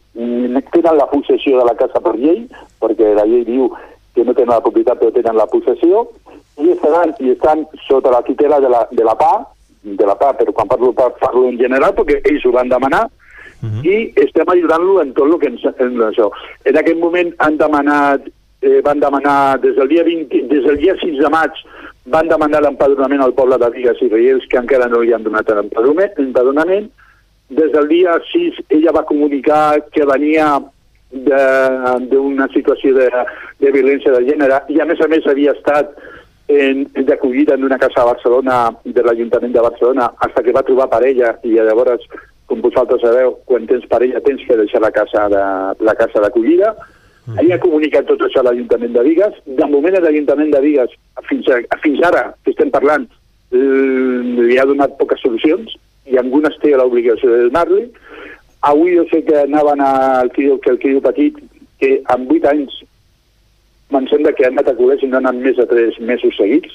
Eh, han anat a demanar la matrícula viva al, a la, als col·legis de Vigues i d'ells i avui tenien la reunió amb la direcció, que és obligatori donar-li escolarització al criu, perquè, per si algú no ho sap, i em sembla que alguns ajuntaments ho saben però no volen fer saber, la competència d'educació als menors no és competència dels ajuntaments, és competència directament de la Generalitat de Catalunya, i avui els donaven això, i la, el poc menjar que tenen en aquest moment és està recollint pels veïns d'Irapà i uh, Càritas de Vigues i Riells. O sigui, de moment només han rebut una bossa de, de, de menjar de, donada per l'Ajuntament de Vigues en tot aquest mes i pico que porten a, a la casa. Uh -huh. Per tant, si aquesta família no està empadronada, no ha pogut eh, accedir a les ajudes dels serveis socials de l'Ajuntament. Clar, clar, però és que n'hi ha un... A veure, entenem una cosa sobre l'empadronament, perquè sembla que...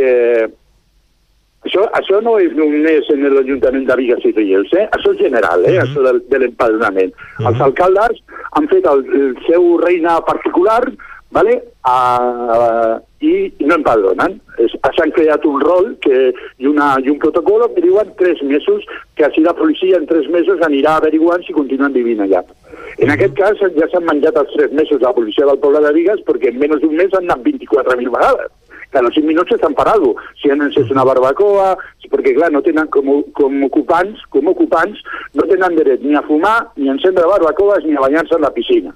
És a dir, eh, al lavabo no sé si els permetran, però em sembla que això sí que els deixen. Aleshores, eh, no, no, no estan empadronats quan la llei, la llei és molt clara, que la llei d'empadronament, l'empadronament no és, no és més que una, not, una mera nota censal, jo puc empadronar demà, si vull, a Sant Feliu de Codines, dient que visco a la farola de la porta de l'Ajuntament i ningú em pot dir que no, perquè la llei diu, i la Constitució, que tothom té dret a una vivenda digna, però tampoc di, però no t'obliga a tindre vivenda. Si jo vull, vull viure al carrer, viure al carrer. I això els ajuntaments ho saben. Però, a més a més, tenen l'obligació, i això els secretaris dels ajuntaments, que són els responsables en algunes coses eh, legals, saben que tenen l'obligació d'empadronar d'ofici i més en aquestes situacions. bueno, doncs no estan empadronats. Lluitarem perquè s'empadronin. Clar, no poden arribar a algunes ajudes socials, però sí que hay que donar-li a la dona, en aquest cas a la, a la, a la, a la, a la afectada, en aquest cas a la, a la, a la dona, li tenen que dar totes les ajudes necessàries i tota la protecció necessària perquè és una dona maltractada i a més a més reconeguda per la Generalitat de Catalunya i aquí no es pot negar els serveis socials, senzillament. El que passa que els serveis socials Mm, per majoria, els, els treballadors dels serveis socials són persones magnífiques que saben molt bé quina és la seva feina, però a vegades tenen pressions, eh, pressions dels polítics de turno. Uh -huh. un treballador social no té que acceptar aquestes pressions, perquè el que té que fer és agafar la normativa i fer-la complir. És dir, jo puc ser el regidor de serveis socials de l'Ajuntament aquí i dir al, al treballador social això no fa i el treballador social em treu el paper i em diu la llei diu tal, tal, tal, tal, tal, i ho tinc que fer. Rafa, se'ns se acaba el temps. Eh... Vale, perdó, perdó, Perdona, eh, no. Gràcies per col·laborar i per posar-nos llum a aquesta situació. Avui hem parlat amb la plataforma d'accés a l'habitatge de la Vall del Tenes i l'Ametlla del Vallès.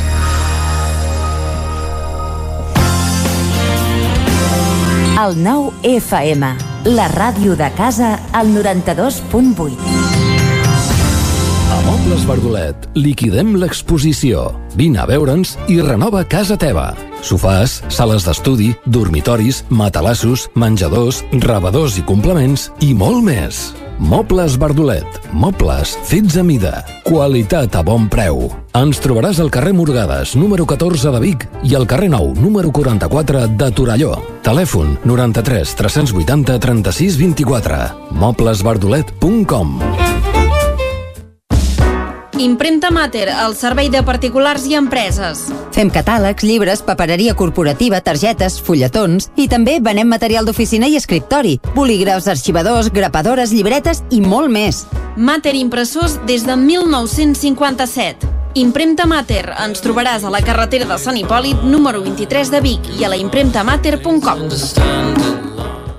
Anuncia't al 9FM. La màquina de casa. 9 3 8 8 9 4 9 4 9. Publicitat arroba al 9FM.cat. Anuncia't al 9FM. La publicitat més eficaç.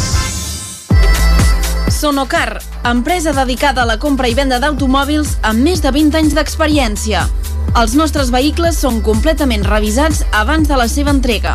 Quilometratge certificat amb la garantia exclusiva de Sonocar. Financem el 100% del vehicle. Vine a conèixer-nos i t'assessorarem. Sonocar, ens trobaràs a la Rambla Josep Tarradellas, número 2 de Vic, al telèfon 93 883 31 28 i a sonocar.cat. Hi ha sensacions que són úniques. Aquell bany relaxant, mirar per la finestra quan plou i com les calderes Bailand, que li ofereixen fins a 15 anys de cobertura total amb el servei tècnic oficial Bailand. Informis a Oficiat Nord trucant al 93 886 0040. Amb el servei tècnic oficial de Bailand, la seva caldera estarà en les millors mans. A Corretja tenim tot el que necessites per la teva llar. Tot tipus de paviments i revestiments, sistemes d'aïllament, cobertes, parquets, aixetes, ferreteria, pintures, fixació i cargoleria, vestuari i material de seguretat. Disposem de més de 3.500 metres quadrats d'exposició amb una nova zona exterior d'aïllaments. A Corretja som especialistes en cuines i banys. Us assessorem, dissenyem i realitzem el projecte des de l'inici fins a la fi del muntatge. 100% cuines, 100% banys. Al carrer Mas Vigues 8 de Vic, a corretja-sl.com o a Instagram. 100% materials per la construcció i la decoració. 100% corretja. El 9 FM, la ràdio de casa, al 92.8.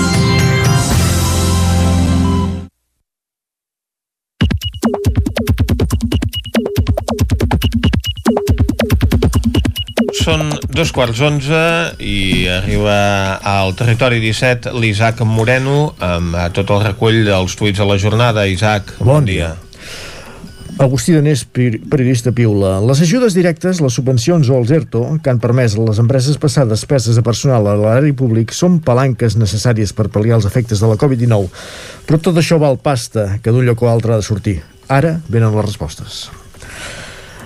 Veurem. Uh, Gerard López fa un, un jeroglífic, un poema visual.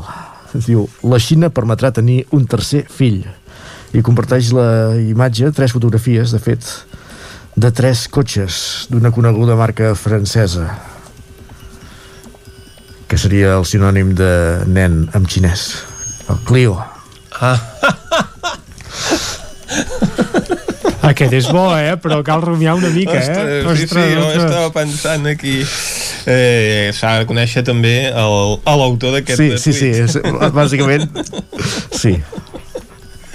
Però bé, bé, doncs queda, Va, queda clar la, la, seva, la seva proposta Antoni Moles, advocat. Amb les noves tarifes de la llum potser haurem de treballar de nit perquè la llum és més barata, no? Ja que el nostre horari habitual de despatx és en plena tarifa cara. Etiqueta tarifes elèctriques abusives. I tant. Una altra d'aquelles de per riure. Jordi Vilarrodà, pauta completa, vacunat des del matí. Noto la immunitat que s'escampa des del braç a tot el cos i em sento com una antena ambulant de 5G. Espero les ordres de Bill Gates. Bromes a part, vacuneu-vos, visca la ciència i els científics. Això ho deia ahir. Això ho deia ahir. Avui el tenim al llit. Però no pateixis que el rescatarem. Exacte. Sí, senyor. Etiquetes Pfizer Vaccine i FAC Covid. Aquest home es posa bo amb un 3 i no res, ja ho veuràs. Xavi Bardolet, quan va començar la pandèmia fèiem cua a la farmàcia per recollir una mascareta a 0,96 cèntims. Ara en venen, en venen paquets de 10 al súper per 1,40. Per Sant Joan te'n regalaran una per cada coca i al final l'agost n'apareixeran els contenidors plens a qualsevol abocador. Vet aquí al mercat. Per cert, ahir em va arribar a casa una mascareta que deia si estàs llegint amb una inscripció que diu si, llege, si llegeixes això ets massa a prop. Pel meu gust, la lletra encara era massa petita. També t'ho dic. Pep Acosta, hi ha més festivals d'estiu a Catalunya que persones. Impossible que tots puguin penjar el cartell de complet. Doncs una mica de raó té, eh? Uh -huh. Ari Carrera, de fet, un cop Catalunya superi el debat sobre l'ampliació de l'aeroport, un debat que no seria necessari si fóssim un país adult, el següent pas seria posar sobre la taula la privatització i liberalització del sector aeroportuari de l'Estat i d'Europa. Xavi Tornafoc, si joves indepes cremen contenidors pel centre de Barcelona són uns herois. Si els mateixos joves fan pintades a la casa de Rahola són uns feixistes. Mentrestant, el bany és callat. És impossible agafar-se la política catalana seriosament. Ara pla. Entre uns i altres no ens posarem pas d'acord. Mas el lladrer. Uh, piula. Dia Internacional de la Llet. Actualment a Catalunya tenim un sector lleter familiar tocat de mort. Cal la teva consciència, la determinació per comprar llet catalana per donar vida al territori. Comptem amb tu, entre tots. Tot. Etiquetes són pastura i són muntanya. Des de l'usuari Festa Major de Vic, Festa Major Jove de Vic, diu, tornem, no com ens agradaria, amb menys dies i adaptats a les mesures, però sí, aviat serem juliol i tornarem a veure'ns. Han passat dos anys i no volíem esperar-ne un altre. Us volem veure, veure'ns i volem tornar a reviure, a reviure'ns, sentir-nos i gaudir d'una Festa Major de Vic. Passem, passarem llista, diuen. I en Marc Camacho s'hi afegeix i diu ganes que arribi ja el juliol. Anna Pont comparteix Uh, no, no comparteix res. Diu, em sembla molt trist que Naomi Osaka hagi de renunciar a participar a un torneig perquè l'angoixa parlar amb la premsa. Ella és tenista, no comunicadora. No n'hi ha prou amb que faci la seva feina, que és competir? Pregunta que queda a l'aire. Etern debat. Qui sí que comparteix és la Teresa Rossell, el titular del 20 minutos. Diu, Messi acepta la oferta econòmica del Barça i renovarà por dos temporades. Això diu el 20 minutos. Això diu el 20 minutos. O sigui que d'aquí un quart ja la notícia ja haurà canviat. Ah, tot és possible. Teresa Rossell diu, tinc la teoria conspiranoica que Messi va avalar la porta. Leo va prometre a una persona que no deixaria el Barça si no era per jugar ja jubilat a Rosario i volia complir la promesa, però Bartu li va posar difícil. Veurem com va, com acaba. Com acaba tot això. I acabem... Llegirem amb lectures. El que sí que sabem com acaba és la secció dels tuits d'avui, en poesia, amb en Francesc Mateu des de Centelles. El dia està ben ennubulat a aquesta hora del matí, això ho deia fa una estona. Fa fresc i encara es veu algun rastre dels xàfecs de la tarda. Feia molts dies que no agafava el tren després de tants anys de fer-ho cada dia. És agradable recuperar aquestes sensacions. Doncs amb aquesta poesia posem punt i final a la lectura dels tuits i anem a repassar el que diu en portada al 99.cat. Comencem per l'edició d'Osona i el Ripollès que diu ara mateix Argimon creu que cal obrir aviat l'oci nocturn i avança que la restauració podria servir a taula fins més tard. Art contra la Covid-19 al vestíbul de l'hospital sobre l'escultura que hi exposa des de dilluns que s'hi exposa des de, des de dilluns. El sector porcí d'Osona va batre el rècord d'exportació el 2020. També el 80% dels vacunats amb AstraZeneca opten per no canviar de vaccí i Sant Eugeni Berga planteja a curt termini una reforma en profunditat del polígon industrial. Carreguem ràpidament la portada Anna Dot, és l'artista de l'escultura de, de l'hospital, mm, que no, no em sortia el nom, perdoneu. Uh, edició del Vallès Oriental, entra en servei el punt de vacunació del Palau d'Esports de Granollers, l'artista Cinta Vidal de Cardeu pinta un mural en unes oficines de Facebook als Estats Units, BOTB estrena una bicicleta elèctrica, i el bus urbà de l'àrea de Granollers ja ha recuperat el 80% dels passatgers que tenia el 2019. Ara estic intrigat amb, amb aquesta bicicleta elèctrica de, de Vallès Oriental Televisió. La a, veure, a veure si el nou TV també en té. Ah, és, la, és, és per moure's per la per, ciutat. Per Porta un cistell per portar la càmera i el trípode. Impressionant. Molt bé. Doncs ja saps què has de fer. Moltes gràcies, Isaac. Ja, que bon dia. Nosaltres anem ara a la taula de redacció. Territori 17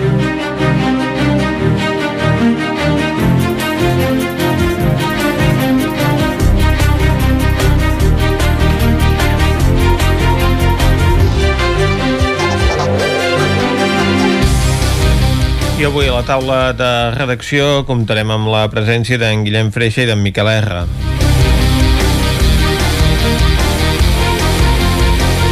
En Miquel, vaccinat amb segona dosi sense efectes secundaris, ens explicarà com es reformula a Sant Julià la Fira del Tupí.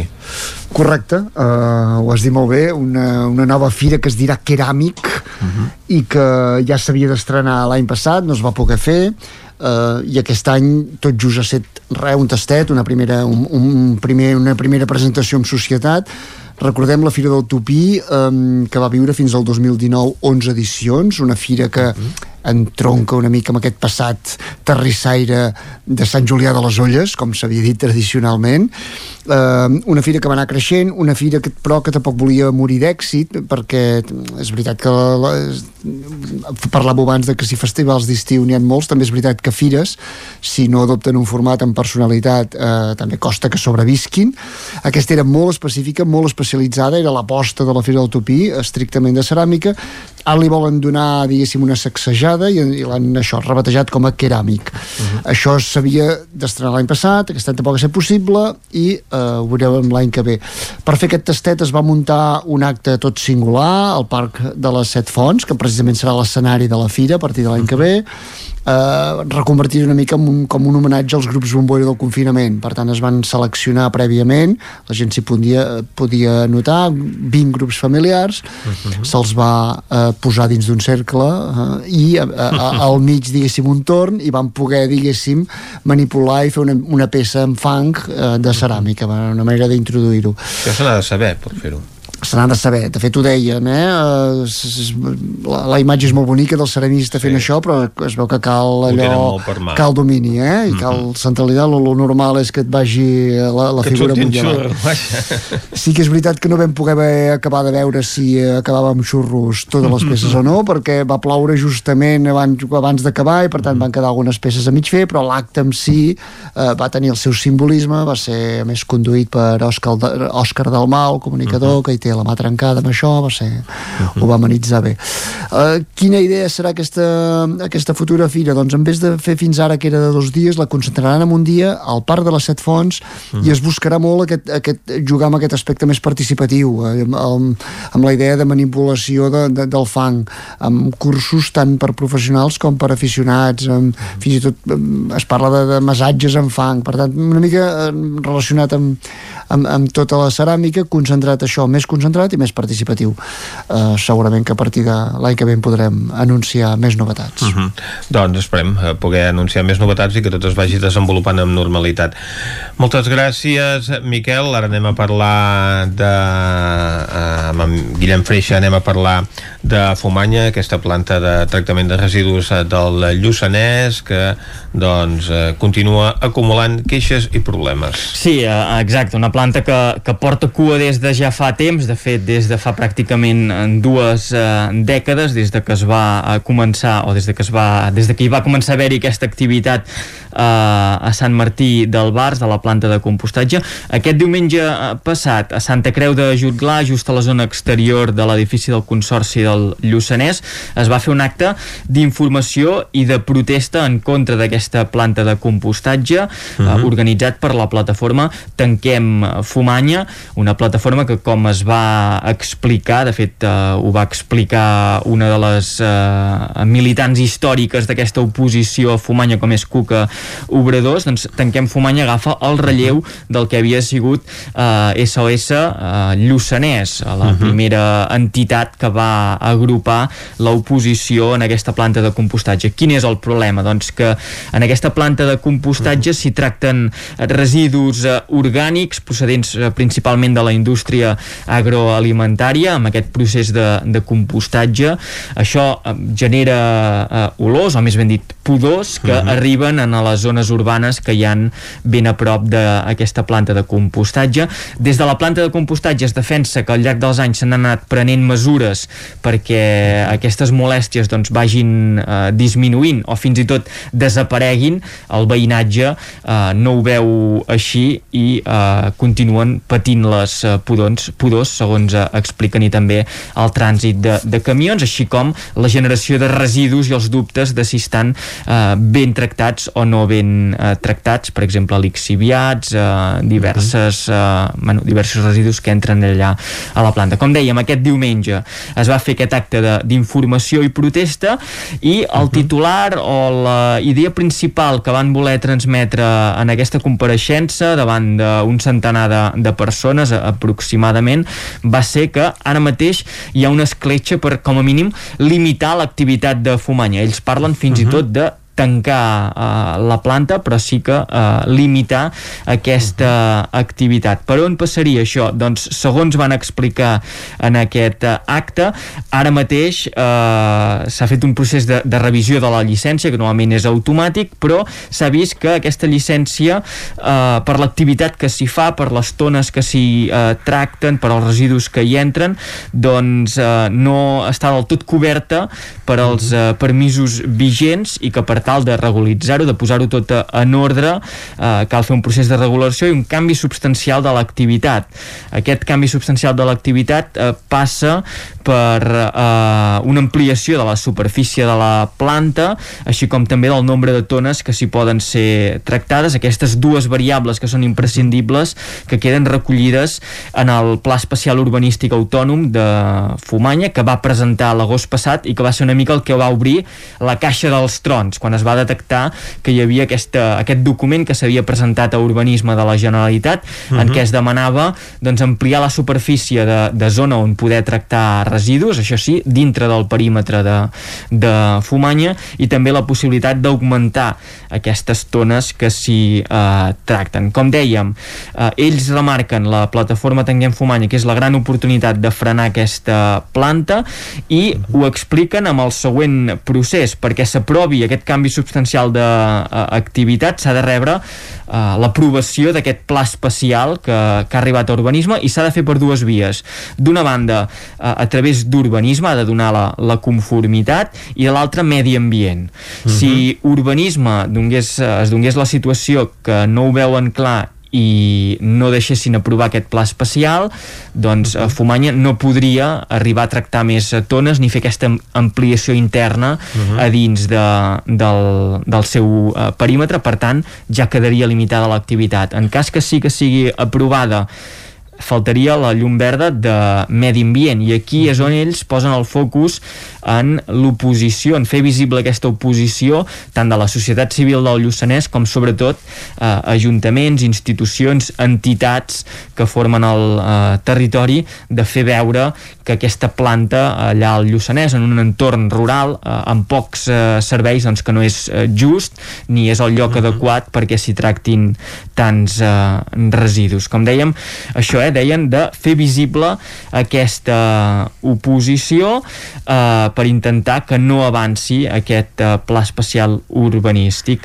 Uh, el Consorci del Lluçanès sí que ja va mostrar la seva disconformitat a que s'aprovi aquest pla especial, de que Fumanya pugui ampliar uh, els residus que tracta. Des de la planta de compostatge uh, també remarquen que aquest uh, pla especial urbanístic, que és, vindria a ser com un POUM, un pla d'ordenació urbanística municipal de les ciutats, on es determina què es pot fer en cada lloc de, de la planta, en aquest cas, i que és perquè hi hagi un millor ordre intern a la planta de Fumanya i que tot i que sí que recull aquesta possible ampliació de, de tones a, a tractar, uh mhm. -huh. que es fa uh, simplement per fer una previsió de futur, per tenir ja ben uh, delimitat fins a on pot arribar a créixer uh, a X anys vista, ara mateix no tinc la dada exacta, però fer aquesta previsió de cap on uh mhm. -huh. pot créixer o com ha de créixer la planta de Fumanya d'aquí a, a, a uns quants anys, que és un document de treball intern. Per tant, uh mhm. -huh. s'haurà d'anar seguint com evoluciona tot plegat, d'una banda amb aquesta oposició a la planta de Fumany i de l'altra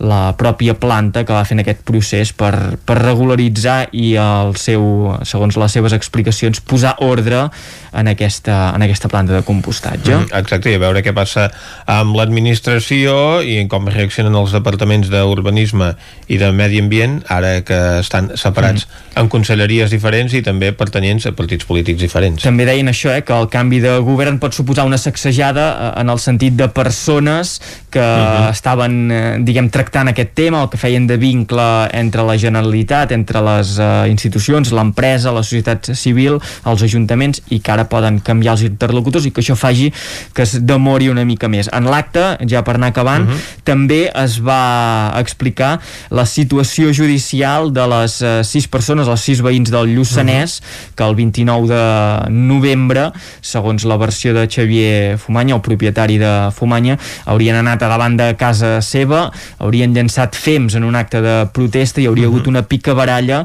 i Fumanya, el propietari de la planta de compostatge, va denunciar que en aquest estirarrons, en aquesta pica baralla, va rebre una agressió, se li va trencar eh, un dit, ho va posar en coneixement de la policia. Aquests sis veïns del Lluçanès van ja declarar davant del jutge i el seu advocat, Antoni Iborra, remarcava que hi ha dubtes seriosos que es produís l'agressió que va denunciar eh, Xavier Fumanya i encara més que les persones que haguessin eh, realitzat aquesta presumpta agressió fossin les sis que han acabat compareixent davant del jutge i que és una acció per uh, limitar uh, els actes de, de protesta.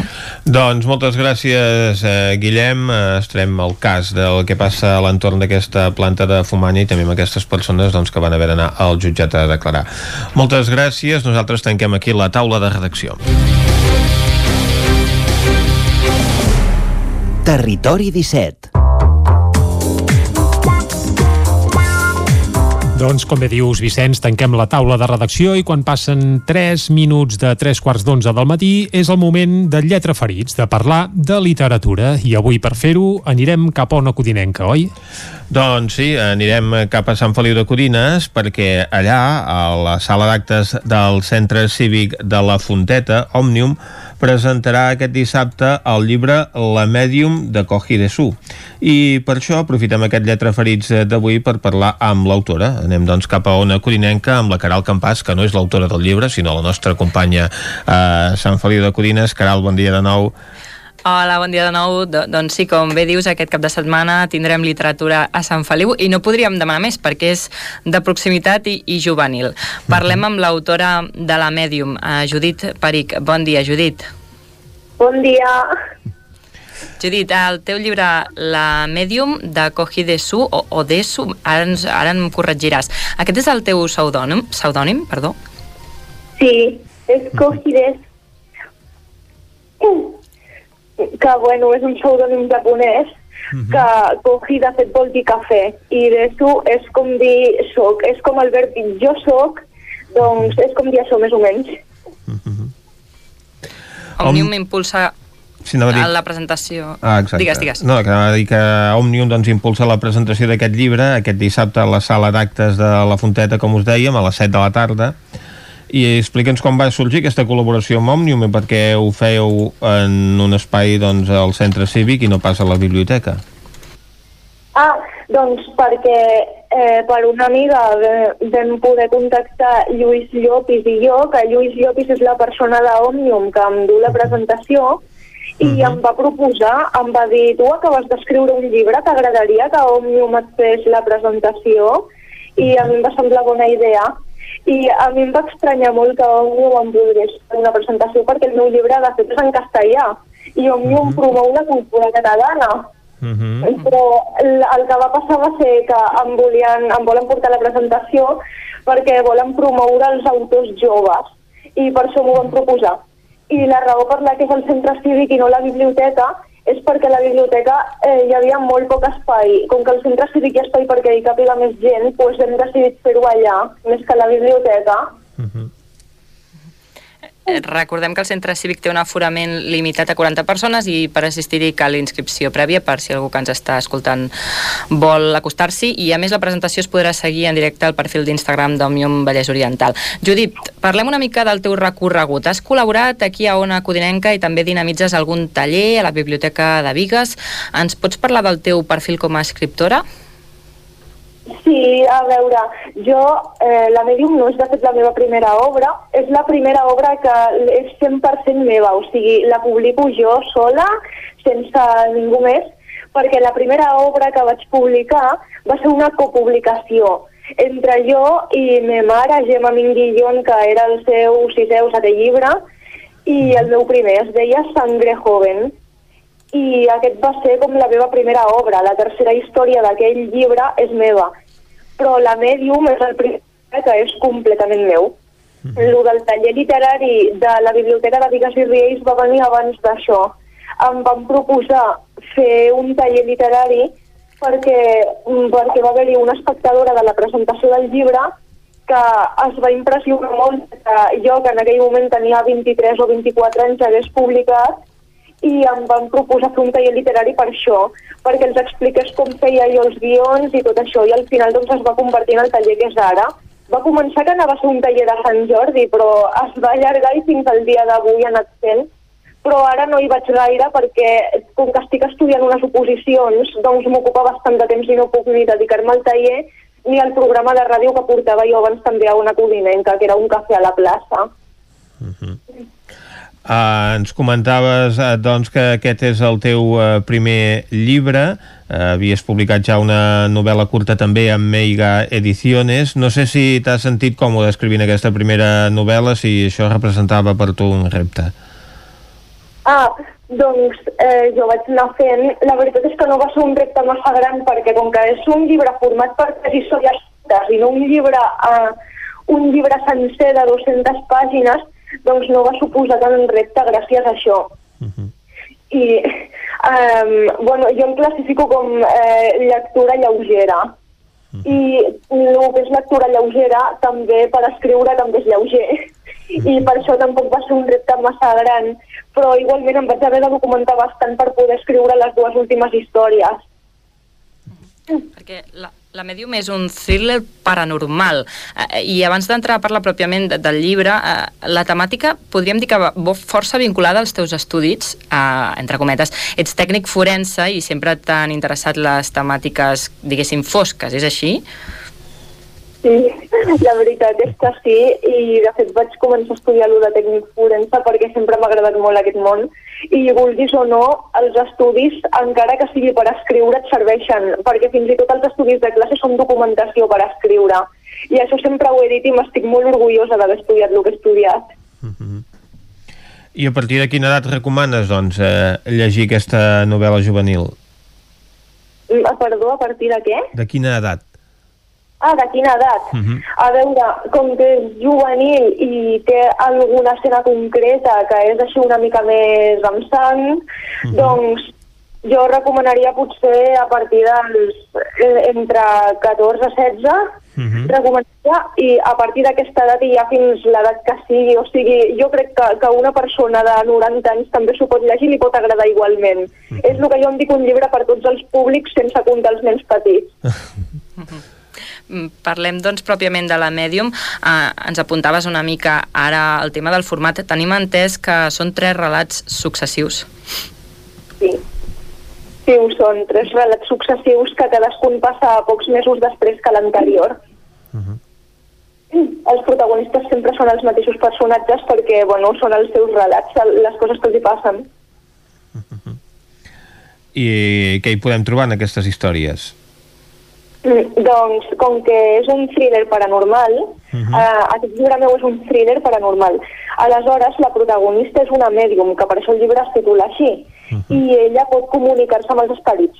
Cada uh -huh. història és un cas en la que s'ha de comunicar amb un per poder-lo enviar a l'altre món a que pugui descansar en pau i no estigui atrapat en el món dels vius sense poder creuar a l'altre costat.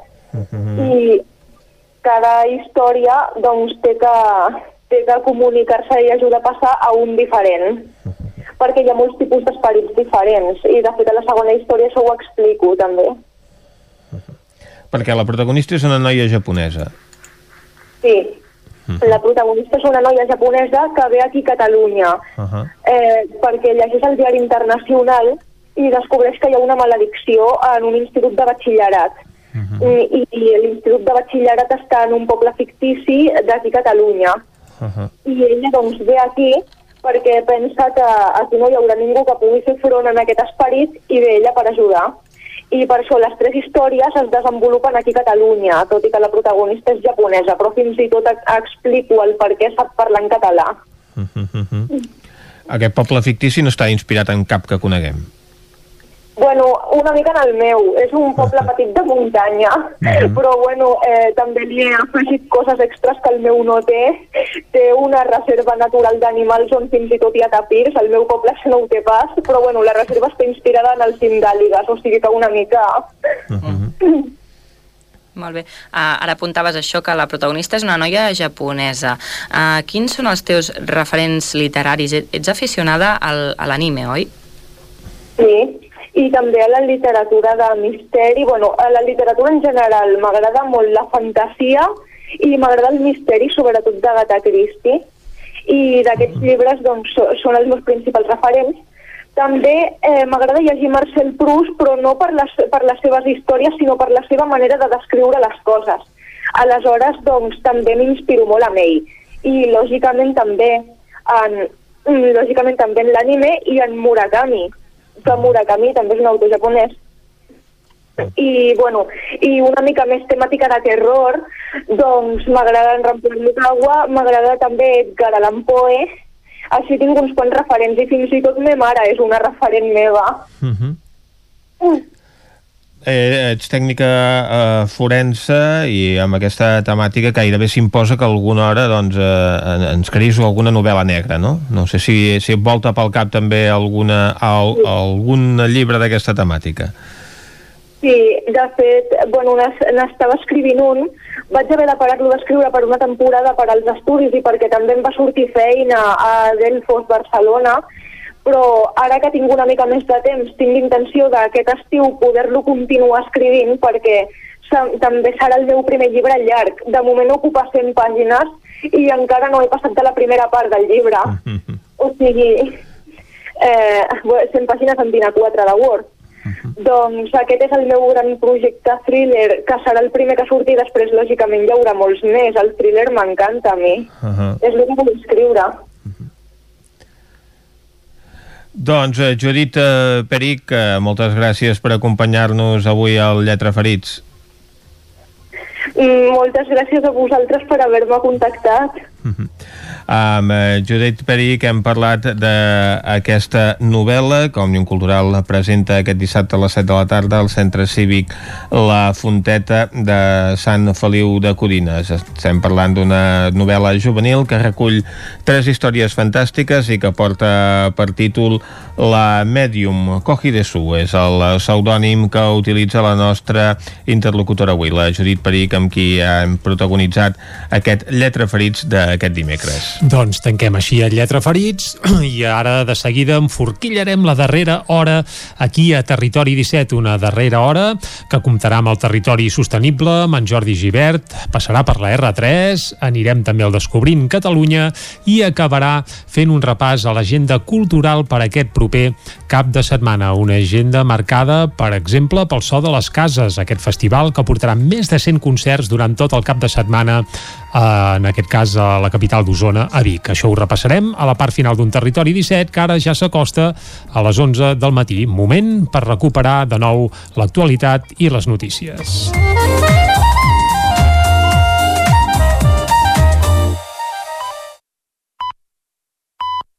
Són les 11.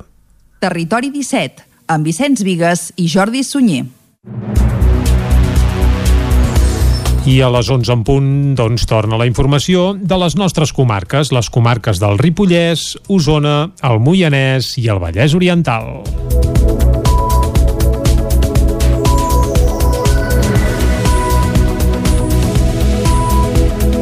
L'alcalde de les Masies de Voltregà, Sergi Vilamala, renuncia a l'alcaldia del seu municipi. Aquest migdia s'ha convocat una roda de premsa en què n'explicarà els motius. Sergi Vilamala és alcalde de les Masies de Voltregà des de l'any 2003 i aquest era el seu cinquè mandat al capdavant del consistori. Fins al 2015 s'havia presentat sempre sota les sigles del PSC i la darrera vegada, el 2019, ho va fer sota una marca blanca de la mateixa formació. Es deien Sumem. En les darreres entrevistes, el 9-9 ja havia anunciat anunciat que durant aquest mandat acabaria la seva etapa política al capdavant del consistori de les Masies. Aquest migdia, d'aquí una horeta, a les 12, Vilamal ha convocat una roda de premsa on anunciarà els detalls de la seva renúncia. Cinc alcaldes usonencs, entre els quals els de Sant Vicenç de Torelló i de Sant Julià de Vilatorta, que també hi representaven el Consell Comarcal d'Osona, van participar dilluns a Terrassa a l'acte convocat per l'Associació de Municipis i Entitats per l'Aigua Pública contra els processos judicials oberts a poblacions que volen remunicipalitzar el servei. La trobada va aplegar prop de 40 ajuntaments catalans i ens locals que en els darrers anys han iniciat processos de recuperació de la gestió directa de l'aigua i que s'han trobat amb contenciosos de les empreses privades que fins llavors gestionaven la concessió, majoritàriament vinculades a Akbar. A Osona tenen contenciosos oberts Torelló, Sant Vicenç de Torelló, Balanyà i Sant Julià de Vilatorta, que han delegat el servei d'aigua en baixa o on Aigua, la nova empresa pública que impulsa el Consell Comarcal i el mateix Consell, cosa que està endarrerint la posada en marxa de l'empresa. Eric Sivina és alcalde de Sant Vicenç de Torelló i també és el conseller comarcal del cicle de l'aigua. Crec que érem 50 llargs municipis els que estem en aquests processos judicials que ens tenen eh, interposats a Akbar i per tant que és una lluita compartida i més que res el que vam fer doncs, és, és posar de manifest, eh, visibilitzar-nos i aprovar un manifest eh, respecte a aquesta judicialització que, que fa Akbar que atenta directament contra les competències municipals i contra la sobirania dels, dels plens municipals. Els recursos que són limitats i que tenim doncs, s'han doncs, de destinar a aquesta defensa judicial d'aquests processos també eh, doncs el cost econòmic eh, que té, eh, que és un cost econòmic grandíssim perquè hem de pensar que és, una, és un monstre de, de multinacional i que té els millors professionals i uns recursos il·limitats gràcies als municipis a, a qui presta servei i que nosaltres som, som una, una cosa molt petita amb molts pocs recursos i per tant doncs, el que implica això és que ens endarrereix tot el procés i ens fa dedicar esforços allà on no els hauríem de dedicar. El manifest de dilluns també hi dona suport al municipi d'Olost. La convocatòria, de fet, arribava al cap de dues setmanes que el Tribunal Superior de Justícia de Catalunya donés la raó a Sorea en el, en el contenciós amb l'Ajuntament d'Olost per l'adjudicació d'unes obres al Consorci Públic Congiac, argumentant que es va vulnerar la lliure competència. La liquidació del pressupost a Ribes de Freser enfronta l'equip de govern amb Esquerra Republicana per discrepàncies amb els números.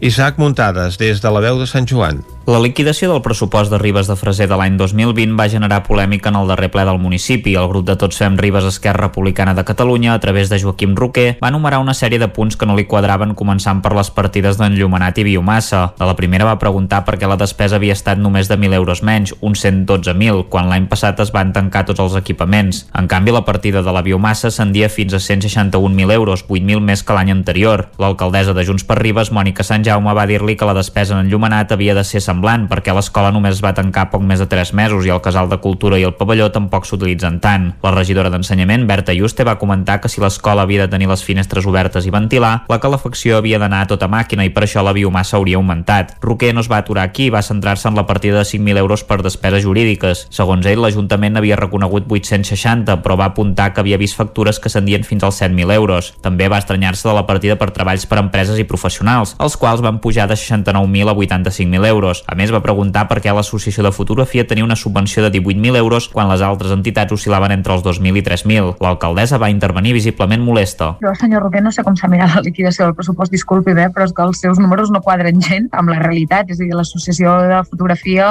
hi havia una partida pressupostària destinada per ells de 600 euros i els treballs realitzats per altres persones arribaven a un màxim de 18.000 euros, no de 60.000 euros. L'Ajuntament de Ribes no ha gastat mai ni 60 ni 80.000 euros destinant a treballs realitzats per altres persones. És a dir, les memòries valorades o projectes que s'encarreguen per poder desenvolupar qualsevol obra. Per tant, jo crec que els números de la liquidació, disculpi'm, eh, però és que se li han girat totalment del revés. O ha girat les obligacions reconegudes amb les, amb les pendent, és que no té cap fonament, perquè és que si, si se'n va el pressupost, no podem accedir tant del pressupost. Sobre el cas de l'Associació de Fotografia, la Batllesa va afegir que la partida total per totes les entitats era de 25.000 euros i que la que havia rebut més diners n'havia obtingut 3.200. Sant Jaume va acusar Roquer de posar en dubte la feina del personal del consistori i el porteu republicà s'hi va tornar en una discussió agra. Jo no dubto de la seva paraula. El que li puc dir és que el document que tinc davant, que no només m'he mirat jo, que ens hem mirat altres persones del grup, i pensi que sempre ho personalitza en mi, però que sàpiga que nosaltres sempre ho fem tot de manera consensuada entre les diferents persones i les diferents persones han vist el mateix. No és una opinió meva del senyor Roquer. Si volen,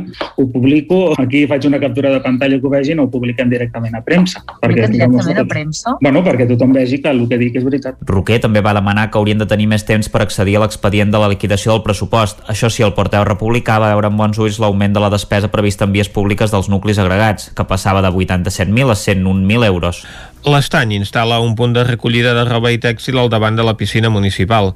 Caral Campàs, des d'Ona Codinenca de color taronja i identificat amb el nom de la cooperativa Roba Amiga. Amb aquestes característiques s'ha presentat un nou contenidor de recollida de roba que s'ha instal·lat davant de la piscina, just al costat del contenidor de reciclatge de vidre de color verd. D'aquesta manera, els habitants de l'estany ja poden dipositar roba feta servir, roba de llar i altres residus tèxtils al contenidor perquè puguin ser reaprofitats d'una manera o altra. A més, amb aquesta iniciativa s'afavoreix a la reducció d'emissions de CO2 i es fomenta la reutilització i el reciclatge reciclatge dels tèxtils. Amb tot, també s'evita que aquest material vagi a parar al contenidor de rebuig. Mitjançant aquest conveni de col·laboració entre l'Ajuntament de l'Estany i la cooperativa Roba Amiga es contribueix a seguir un model de negoci eficient que fomenta la integració de persones i que genera llocs de treball en col·lectius amb risc d'exclusió social.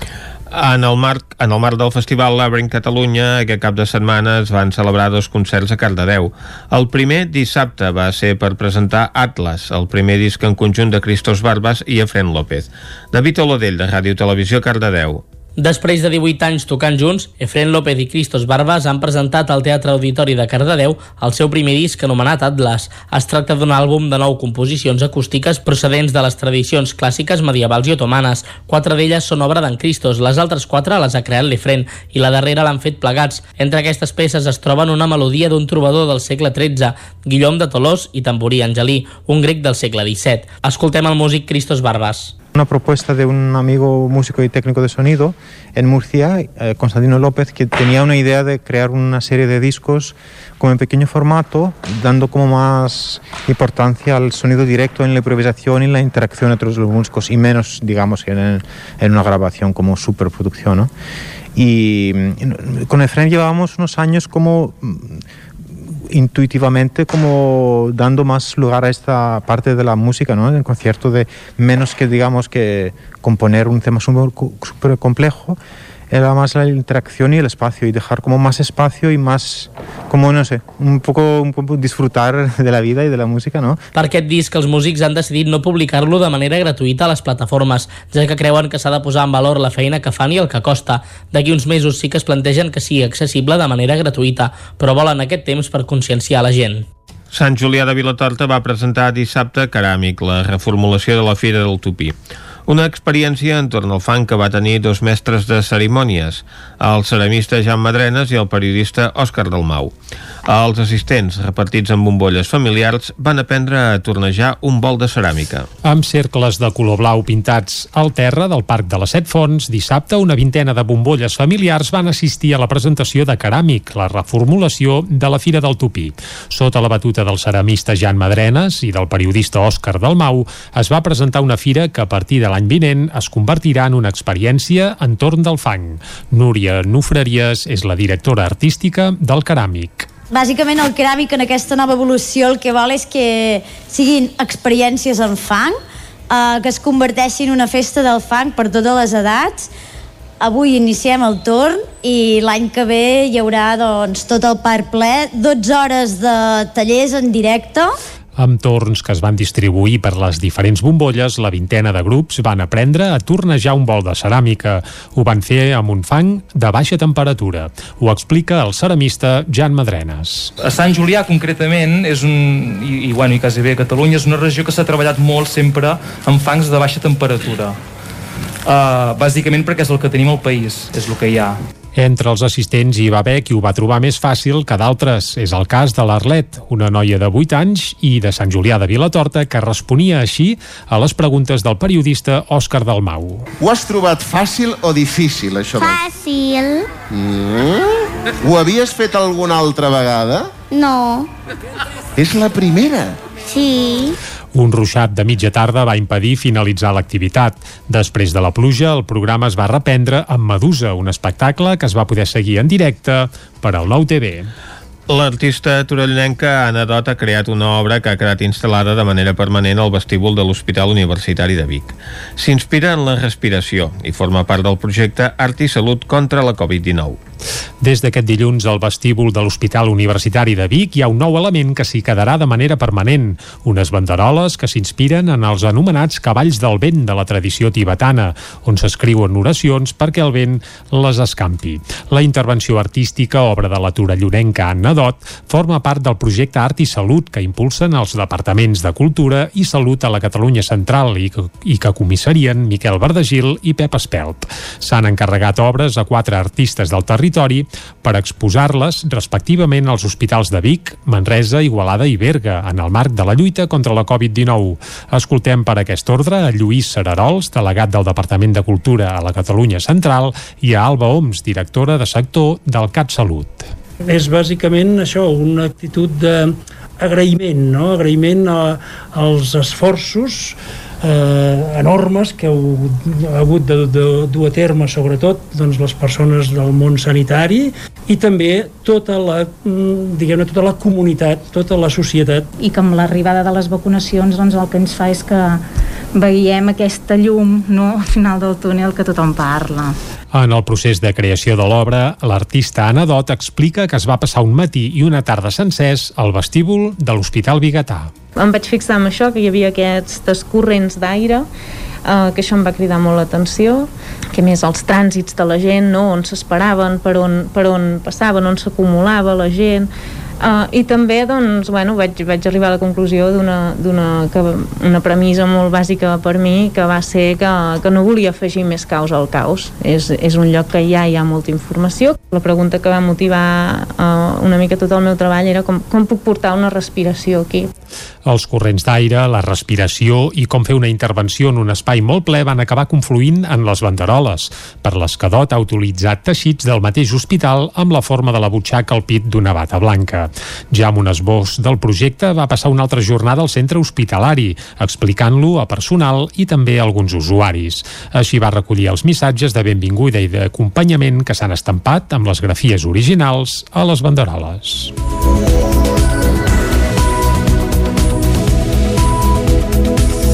I fins aquí el butlletí informatiu de les 11 del matí que us hem ofert amb Vicenç Vigues, David Auladell, Caral Campàs i Isaac Muntades. Ara una pausa i territori cons... no, territori contemporani no, territori sostenible, ja ho direm bé.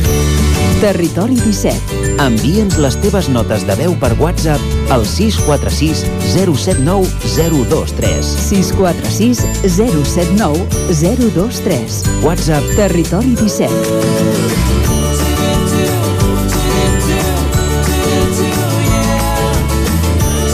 Territori 17.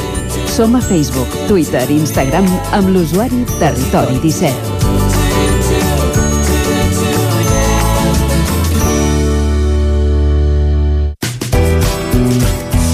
Doncs quan falta un minut per un quart de dotze, ens submergim al territori sostenible amb Jordi Givert. Avui ens parlarà de cervesa, Vicenç. Ui, mira que bé. Mm, Anem-hi.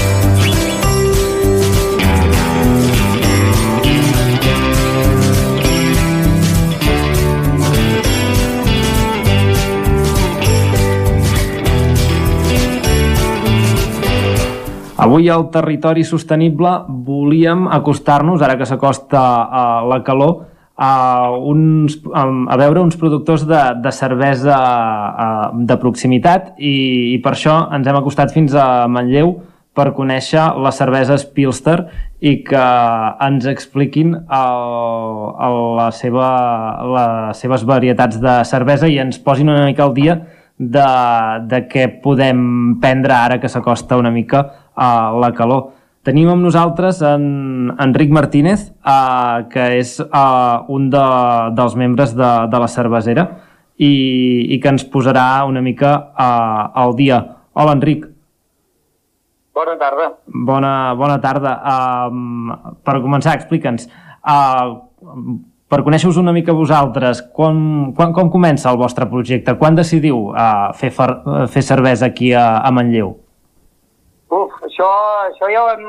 Bueno, ho hem explicat molts cops. Ara ja...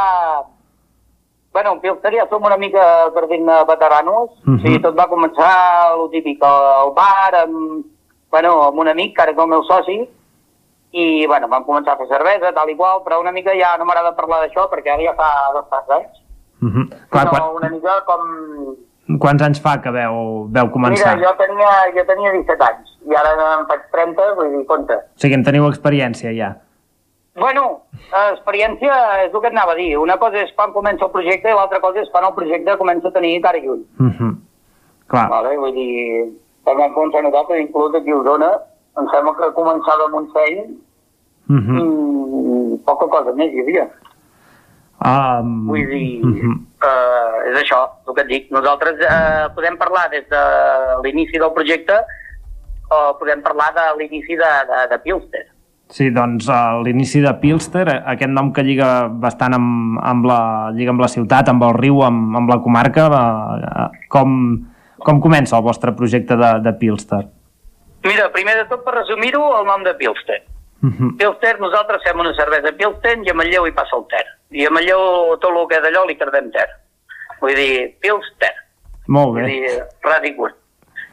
Uh, I, de, uh -huh. bueno, i això, vull dir, nosaltres la idea era això, de fer una cervesa una mica fora del que és ara el món de la cervesa artesana, una cervesa tipus estrella d'am, que per contraproduent que sembli, és una cervesa més difícil de fer i és la cervesa que consumeix tothom. Sí. Com, com més que, que la cervesa que, que coneixem d'aquestes lagers eh, o són més difícils de fer que, que una cervesa eh, que en diem artesana? Bueno, bàsicament perquè volen fred. Mm -hmm. Volen fred i volen processos industrialitzats. Si us hi fixeu, eh, una cervesa artesanal solen ser una mica més tèrboles, una mica més, entre cometes que en diem, és brutes, Mm -hmm. i les cerveses, això, una estrella, una Sant Miguel, una Pilster, són cerveses supernetes. Bàsicament implica fred, implica filtratge, implica diners. Vull dir, implica fer servir processos més industrialitzats Mm -hmm. al producte final. Uh, I clar, bàsicament és la diferència. uh, uh, potser no sé si és molt complicat d'explicar el procés d'elaboració de, de, de la Pilster. En, ens podries fer 5 Mm. cèntims? Bueno, una mica com, com el de tota la cervesa, suposo. Bàsicament, per fer 5 cèntims amb la cervesa hi ha dues famílies, són les ales i les lagers, Mhm. alta fermentació, baixa fermentació. Nosaltres el que fem és baixa fermentació, que el que bàsicament vol dir és que fermentem, la llevadura fermenta a menys temperatura. Per tant, fa una cervesa més suau, més fina, que és el que és una mica eh, del consum típic que hi ha. Mhm. Això, cerveses, torno a dir, marques, Estrella, Sant Miquel, Maus, Moritz, etc, etc. Nosaltres el que fem, del dia... Nosaltres a fer el most tardem un dia Mm -hmm. i a treure la cervesa final tardem un mes. Aquí està una mica el sistema també el de la lager. Perquè nosaltres el que fem és maduració. El que fem és una setmana de fermentació i tres de maduració. El que fan és que sigui un, una mica un procés més llarg que, per exemple, el que seria una ale, que Sí. és el que estem més acostumats a veure amb cervesa artesana.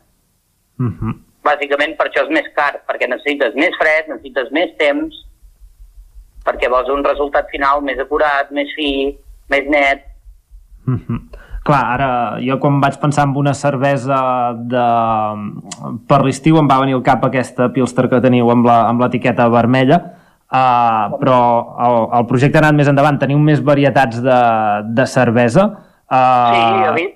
Quina, Sí, quines, sí. quines, quines més en teniu de, de noves, diguem-ne? O... Bueno, evidentment, uh, clar, vull dir, no et pots quedar mai amb, com un forn de pa, no es pot quedar amb el seu pa de De pagès, pagès. vull dir, doncs, la cervesa és igual, vull dir, tots has de treure varietats, perquè i més com està evolucionant el món de la cervesa cara al consumidor, que sempre demana més i més i més, tot i que nosaltres amb això sí que no som uns pioners, Mhm. perquè nosaltres el que fem és una mica la filosofia Pilster, és cerveses molt fàcils de veure. Sempre cerveses molt netes, molt filtrades, molt fàcils de veure.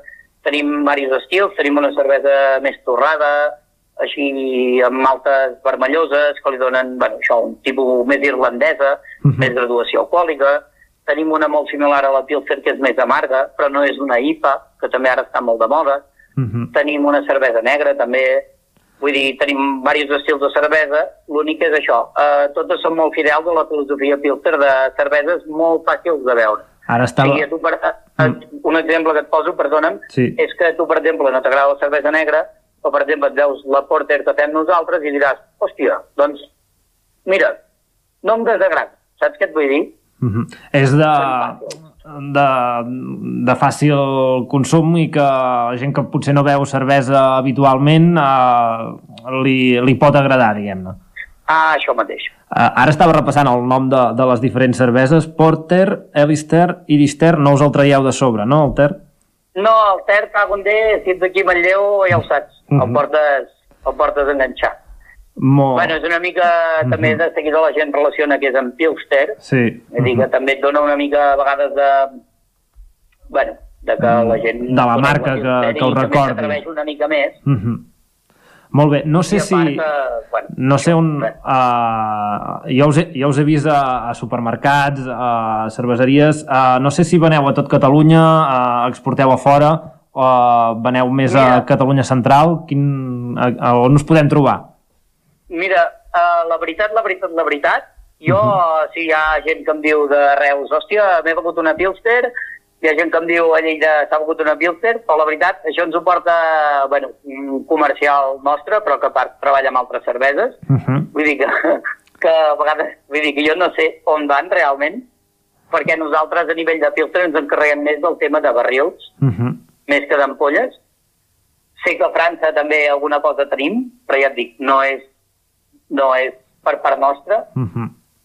Però sí, sí, la veritat eh, quedem sorpresos de que, hòstia, això, de que veiem fotos, de, sobretot d'Instagram i tot això, de, de, bueno, això, altre punt de Catalunya, i veus la teva cervesa i però la veritat això sempre alegra, saps? Perquè jo, per exemple, no tinc Instagram, tenim l'Instagram de Pilter, però que ens el porta una altra persona, i a vegades hi entro i faig el xafarder i dic, hòstia, saps? I, eh, una festa, jo què sé, això, eh, invento, eh, Tarragona o on sigui.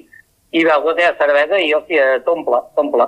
Senyal que, que el projecte si va de bé. punts de distribució que portem nosaltres, sobretot és molt local. Mhm. Sí que treballem també ara bastant fort a Barcelona, Sí.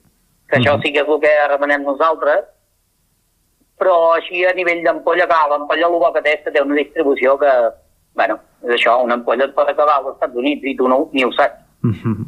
Sí, molt bé.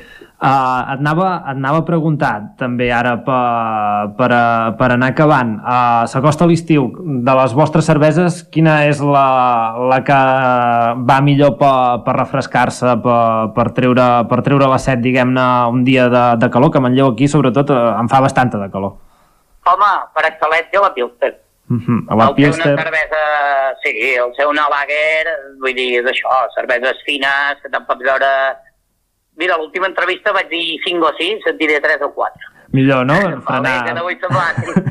No, però vull dir que és una cervesa que, bueno, això, que estàs amb els amics i, bueno, que po- pots anar bevent i, i que fa colla, és una cervesa fàcil, vull dir, agrada a tothom, a vegades una mica la gent va amb la por de dir, hòstia, que no hi ha estrella o que no hi ha, saps, marques, marques conegudes, Uh -huh. I després es prenen una pilsa i diuen, hòstia, que bona, saps? Vull dir, en el sentit de que una cervesa fàcil, ràpida de beure, tot i això. Tot i que el que et deia, eh, la filosofia, la filosofia Pilser són cerveses molt fàcils de veure, vull dir, entre totes, poder sí que la negra no te la recomanaria del tot, Uh -huh. però, collons, per què no? Doncs... Un dia que estigui així tapadot com avui, vindria de gust també. Ens apuntem que aquí en el territori 17, en a, a la zona on, de les nostres comarques on, on fem el, el programa, també tenim uh, cerveses de, de proximitat i que, i que les hem de- les hem d'anar provant i que no cal anar gaire lluny per, per trobar No, no. una cervesa per refrescar-se per fer a l'hora del vermut. No, no, i tant. I més, ja et dic, eh, a nivell de Catalunya, ara comença molt Espanya també, cerveses artesanes de qualitat, però per flipar, per flipar. Doncs moltes gràcies per, per fer-nos aquesta visita i, i per explicar-nos una mica com, com treballeu i, el, i el vostre projecte. Uh, nosaltres hem d'anar acabant. Uh, gràcies i, i quan uh, tinguem un moment nosaltres, almenys aquí a la ràdio, farem una, farem una Pilster. I tant, i convidats que esteu. Molt bé, doncs gràcies i Gràcies. també a tots els que ens esteu a, a, escoltant. Nosaltres us deixem amb els companys del Territori 17 que seguiran repassant l'actualitat local de, de pobles i comarques.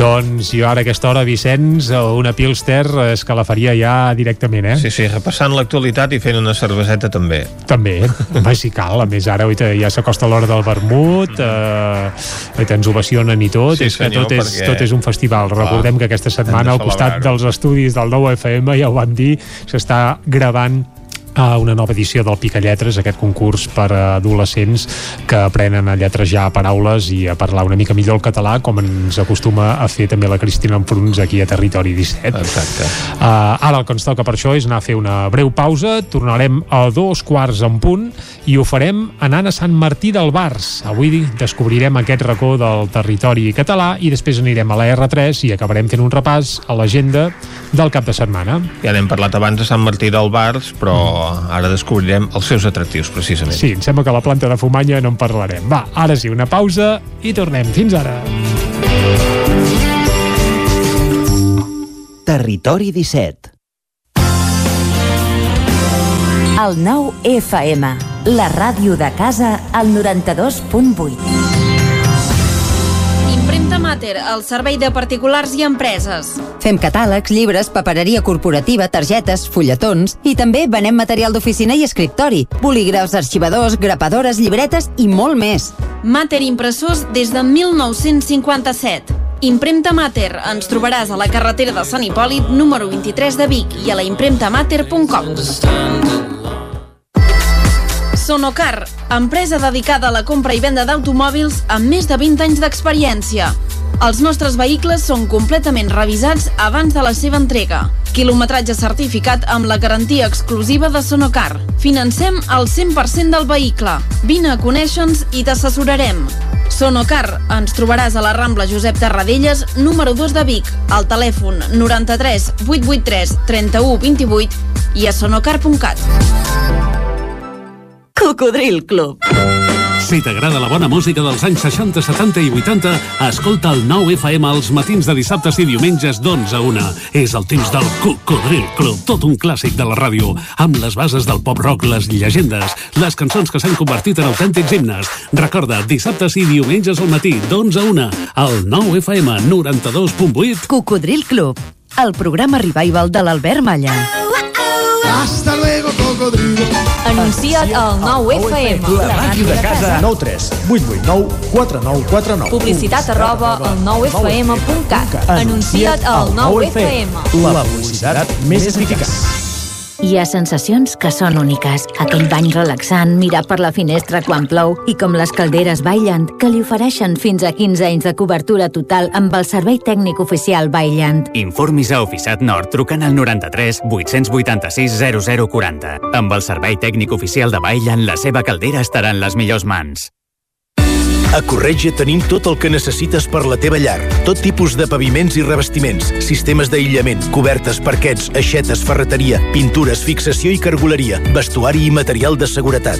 Disposem de més de 3.500 metres quadrats d'exposició amb una nova zona exterior d'aïllaments. A Corretja som especialistes en cuines i banys. Us assessorem, dissenyem i realitzem el projecte des de l'inici fins a la fi del muntatge. 100% cuines, 100% banys. Al carrer Mas Vigues 8 de Vic, a corretja-sl.com o a Instagram. 100% materials per la construcció i la decoració. 100% corretja. El 9 FM, la ràdio de casa, al 92.8.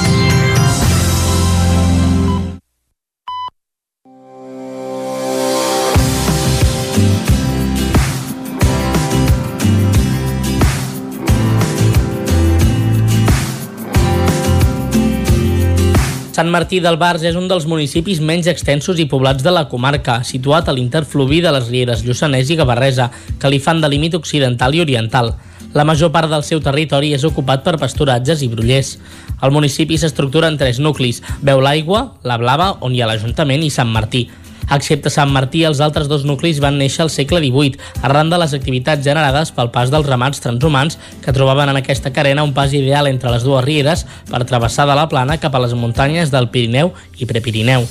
El pont medieval és el pont que travessa la Riera Cabarresa. És l'única construcció d'aquesta època que es conserva a Sant Martí del Bars. Es troba en un camí de carrerades, testimoni de vells costums i antigues tradicions. La font de Cal Blanc, també coneguda com Font de Sant Martí, està situada en una roureda, en una petita balma amb rocs de grans dimensions despresos. L'entorn de la font té un contrast marcat, ja que a l'interior de la balma, amb parets humides per on es filtra l'aigua i diversos forats entre roques que permeten el pas d'una feble llum, no hi creix pràcticament vegetació i a l'exterior hi creix abundant vegetació. Uns metres més avall de la font hi ha un safareig de grans dimensions on anaven a rentar la roba les dones de Sant Martí del Bars. La creu de la Pau de Constantí està situada en una esplanada rocosa envoltada de camps, a mig camí entre el nucli de la Blava i el de Sant Martí del Bars i el sud-est de la caseta. Es tracta d'una creu de pedra formada per pedres treballades de grans dimensions. La base està formada per dues plataformes quadrades, esglaonades sobre la que reposen dues pedres de grans dimensions que formen un cub en què hi ha una inscripció. Just a sobre hi ha dues plataformes quadrades esglaonades més, sobre el qual reposa una pedra allargada troncopiramidal de secció quadrada que va reduint la seva amplada fins a una senzilla imposta. La part superior correspon a una creu llatina de braços curts i massissos, amb acabament irregular a dalt i unes inscripcions a cara sud que no es reconeixen actualment. L'església parroquial de Sant Martí del Bars és un edifici barroc rural de dimensions mitjanes. Construïda en el segle XVIII, conserva una imatge de Santa Maria, de tradició romànica de la primera església de Sant Martí. I finalment, a Sant Martí podeu visitar el Gorg de Bordoms.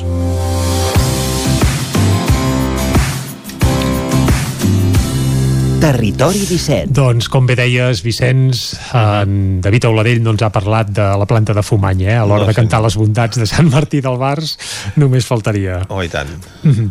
Molt bé, uh, anem a la R3 ara? Anem a la R3. Doncs cap a la R3, falta gent. Anem-hi.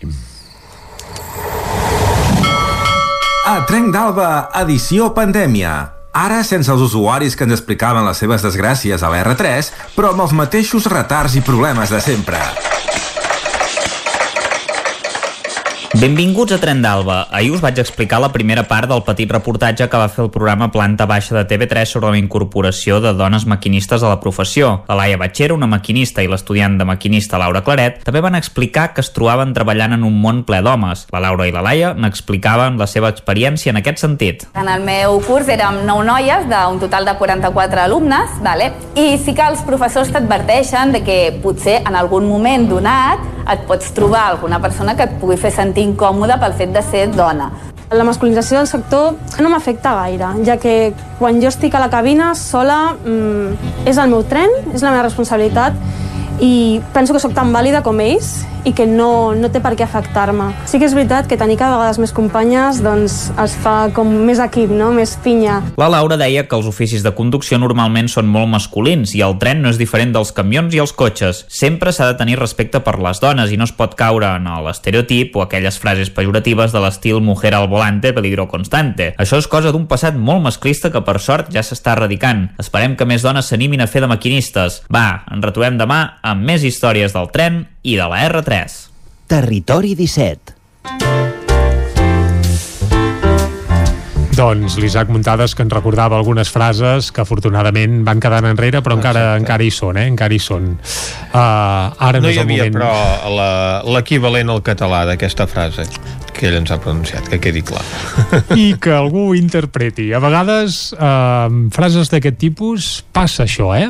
Que en referents nostrats no n'hi ha ni cal recórrer eh, al castellà per això, per treure aforismes d'aquests una mica malaurats i, i, i bé, i que haurien d'estar condemnats a, a l'enterrament perpetu. Uh, I això això ho també deixem... denota moltes coses. Sí, però ho deixem per un sociòleg o per... Uh, bé, que investigui qui vulgui. Nosaltres ara el que ens toca és acostar l'agenda del cap de setmana a Territori 17 perquè està ple de propostes culturals, oi que sí, Vicenç? Oh, i tant, eh, aquests propers dies, a més a més amb l'arribada del bon temps, doncs també van creixent Mhm. les activitats que es duen a terme en les diferents poblacions culturals, festives i de més.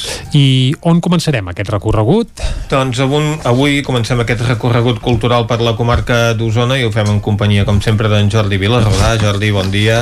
Hola, molt bon dia. Com es presenta aquest cap de setmana? Ja ens vas venir a explicar fa uns dies que tindríem aquesta proposta de l'Ajuntament de Vic de recuperar el so de les cases, però segur que també hi ha més activitat cultural a la comarca. El so de les cases és l'activitat estrella del cap de setmana, ocupa tres dies, de fet, divendres, dissabte i diumenge, i és aquesta, aquest cicle, diguem, de concerts per llocs de Vic, que a més a més molts d'aquests són llocs que habitualment no són oberts al públic i per tant uh mhm. -huh. no només tenim l'oportunitat d'anar a escoltar música, sinó l'oportunitat d'entrar en alguns llocs on habitualment no s'hi pot entrar perquè són residències privades o bé fins i tot perquè són llocs públics però que més públics, diguem, però que normalment només hi té accés doncs, una determinada gent. Ara penso, per exemple, doncs, no sé, l'hotel de les Clarisses, que no uh -huh. és mhm. que sigui privat,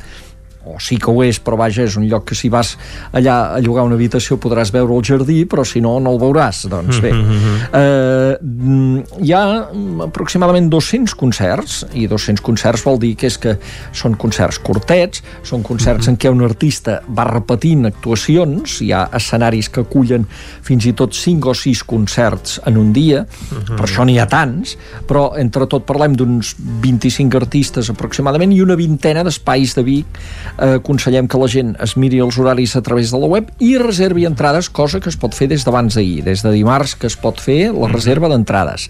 Uh -huh. eh, perquè, és clar els aforaments, com comprendrem, són reduïts. Eh, tranquils tothom, eh, perquè no, no perilla la nostra salut. La majoria de concerts es fan en els jardins d'aquestes cases. Sempre, totes, vegades. totes tenen jardins. Clar, això també té un inconvenient, eh? que veure, la previsió meteorològica pel, per algun dels tres dies, concretament pel dissabte, ja ens ha dit a, eh, fa patir una mica. Manel en el programa sí. d'ahir que... Fa patir una mica. Exacte, que hi podria haver algun ruixat. Doncs uh, veurem què passa i quina previsió hi ha en cas que això que, que hi hagi pluja, eh? però uh, fem un repàs doncs, que veurem aquí, hi ha doncs, des d'en Feliu Ventura amb la Meritxell Nederman, eh, ara repasso aquests que podem conèixer més a nivell eh, de Catalunya, diem fins i tot, eh? o sigui, no només de la comarca, eh, hi ha la Clara Peia, eh, hi ha les nostres de Seis Sisters, que també són conegudes arreu, hi ha també, per exemple, dels usonencs, en Santi Carcassona, en Roger Usart, eh, en fi, la llista és llarga i també música clàssica, perquè també hi ha doncs, formacions a l'Escola de Música de Vic, eh, el quartet Lidium de l'Escola Superior de Música de Catalunya, eh, entre els d'aquí també m'havia deixat la Coloma Bertran, eh, i, i seran artistes doncs, que aniran fent concerts aquests que deien breus en llocs com per exemple d'aquests que normalment no hi podem anar, doncs la Casa Cortada en el jardí, o el jardí de l'església de, de Sant Felip Neri de Vic, eh, la Casa Prat de Saba, la Casa Vallès, la Casa Sacerdotal de Vic, la residència sacerdotal, totes tenen jardins eh, un, per exemple, l'església de Sant Just, que sabem que està al carrer Sant Just de Vic, però que normalment es veu tancada Exacte. i que no s'hi pot entrar mai, normalment, doncs estarà oberta. Eh, el convent del Sagrat Cor, també, que és el que hi ha a l'escola del Sagrat Cor a la carretera de Barcelona, de Vic, o la Torre d'en Franc, que va ser el lloc on es va presentar el, el, el so de les cases. Eh, aconsellem doncs entrar a la web, veure-ho i passejar i gaudir d'aquests concerts del so de les cases que uh mhm. -huh. diem eh, a vegades per comparar-ho que ve ser com si fos allò del temps de flors de Girona que es pot entrar doncs, a veure muntatges florals en llocs que normalment estan tancats doncs aquí, uh mhm. -huh. en lloc de veure-hi flors doncs hi ha música Uh, I anem per altres coses. Uh, anem per altres coses. Anem per altres coses perquè aquest cap de setmana també comença un festival que pren una altra forma, però que es fa, que és el Canti a la Font. A uh -huh. és mhm. aquell festival itinerant del Lluçanès que normalment tenia lloc al juliol en aquella època d'abans de la pandèmia i, es, i, i l'última edició va reunir eh, em sembla que van ser doncs 2.000 persones ben bé o més si no recordo malament. Un esclar, festival itinerant. Ara, itinerant a més a més, cada any amb una població, és clar ara eh, que no es pot fer, no es poden reunir encara encara uh -huh. 2.000 persones o més en un lloc obert i, eh, que ni que sigui un lloc obert i, i sense mascaretes i tot Llavors que han inventat una altra fórmula que ja van aplicar l'any passat que es diu brots del cant i la font. O sigui, eh, petites actuacions en el nom, amb el nom de Cant i la Font que se succeiran en diferents dies com una mena de circuit. Ells eh, hi posen la metàfora de, de la transhumància que, que el Lluçanès eh, es practica encara amb els ramats no? cultura transhumant, diuen ells cultura transhumant, i fan com un circuit d'arts escèniques que tindrà quatre dates, la primera d'aquestes quatre dates i quatre pobles, Sant Agustí de Lluçanès, Olost, Alpens i Sobremunt. I la primera d'aquestes dates és aquest cap de setmana que serà el primer brot del Cant i la Font, que es farà als Munts a Sant Agustí de Lluçanès. Una jornada que començarà a dos quarts d'onze del matí amb un taller de glosa, càrrec de la Núria Casals i l'Àlex Pujols, l'Àlex Pujols de Charango, que sí. tothom sap que és molt aficionat a la, a la cançó popular i a les gloses i les corrandes. Què dius ara? Sí, sí, i a més... Doncs i té poc a veure amb la música de Charango. Sí, sí, doncs... És cert, és cert, eh? Cert. Això en podem donar fe. Eh, és- ell té molta afició i a més a més després això continuarà a la tarda amb un espectacle de circ que es diu Signes de Michel i Francisca. Eh, després doncs hi haurà altres concerts ja els anirem dient eh, pel Canti a la Font i passarà doncs des de l'Arnau Viols, el Carles Belda, el Jaume Arnella ja notem un Jaume Arnella eh, música tradicional, tindrà Sí, una mica tot aquest aire En eh? Jordi Sunyer no se'l perdrà. en Jordi Sunyer no se'l perdrà Segur segur, no, segur.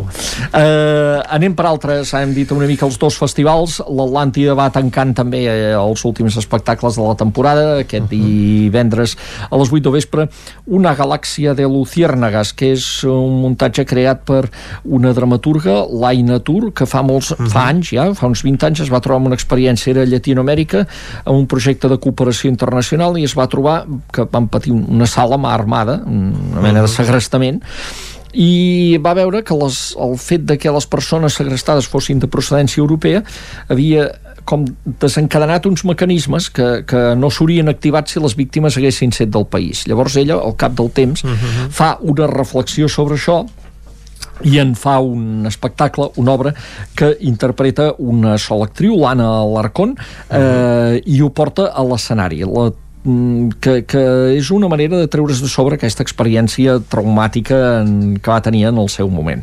Uh, això es podrà veure el divendres a les 8 del vespre. Anem per un altre concert que tindrà lloc el divendres, que serà el de Palat i Pelut a Hostalets de Balanyà, Vicenç, uh -huh. al tanto, Hostalets de Balanyà. Uh, comença d'aquesta manera el Nyam Nyam Music Festival, que és un cicle de tres concerts que es faran durant aquest mes de juny, uh -huh. amb els Palat i Pelut, que, com bé sabem, i van explicar ells mateixos aquí a la Tremolla del Nou TV, doncs acaben de fer un disc Un disc, magnífic, sí, que presentaran aquest concert que tindrà lloc a l'esplanada del Parc de Vall Llosera el divendres a les 9 del vespre.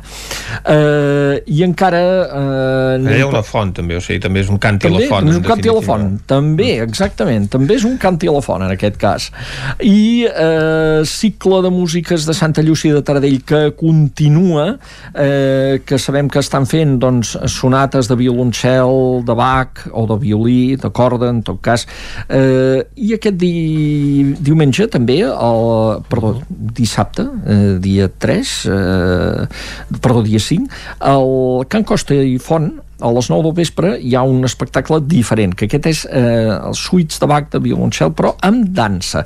I l'espectacle es diu Bach es mou. Bach, Bach es mou. Eh, tercera sessió del cicle aquest de músiques de Santa Llúcia a Taradell. I amb això, doncs, eh, hauríem completat força el panorama d'aquest cap de setmana, que ja està, diguem, en aquesta frontera, que, doncs, que ja es comencen a acabar les programacions regulars dels, de, dels, Dels espais sales tancats. públiques, dels espais tancats, i eh, aviat ja, doncs, en, en, bé, ja ho veiem, ja estem entrant, per exemple, amb el la Font, en la dinàmica d'estiu, que serà la que, la que anirem desplegant durant aquest mes de juny. A veure, quin estiu tenim i què és el que es pot acabar fent i en quines condicions. Jo crec que déu nhi les coses que podrem fer. déu nhi Tant de bo, doncs, Jordi, moltes gràcies. A vosaltres. Esperem-ho, esperem que a l'estiu es puguin fer moltes activitats i gaudir de molts concerts i per anar amb poques restriccions, ja Sí, ho veurem, senyor. ja ho veurem. De moment se'n van fent de- de- d'anuncis de, de festivals, el Sonar i el Primavera Sound a Barcelona sabem que no es faran en aquesta edició 2021, però el Cruïlla tira endavant i vol reunir més de 25.000 persones. El Canet el Rock, Canet Rock el 2 de també. juliol, també ja s'ha anunciat que es farà. Sí, amb mascareta, però sense distàncies. Per tant, eh, bé, i el Cruïlla igualment, amb mascareta, però sense distàncies. I algun altre festival que sembla que també s'apuntarà a aquest perfil per tant, aviam les festes majors com es pateguen i com resolen també la situació, però en principi sembla que pinta molt millor que no pas l'estiu de l'any passat. Tant de bo, es pugui anar recuperant tota aquesta normalitat i puguem viure un estiu més normalitzat que el de l'any passat. Esperem-ho, esperem-ho. Va, seguim repassant agenda cultural. Continuem, continuem fent el recorregut i ara anem a Ràdio Cardedeu amb l'Òscar Muñoz. Bon dia, Òscar. Bon dia, Vicenç, bon dia, Jordi. Bon dia, bon dia. Doncs, Què ens portes, va? Eh, aquesta zona del Vallès no està tan atapeïda com la, com la zona d'Osona que cap de setmana, però bueno, podem eh, destacar dues activitats molt importants. Bueno, uh -huh. Aquí a Cardedeu, dissabte, a les 12 del migdia, tenim els vermuts literaris amb el periodista Albert Tom, que presentarà el seu llibre el dia que va, vaig marxar.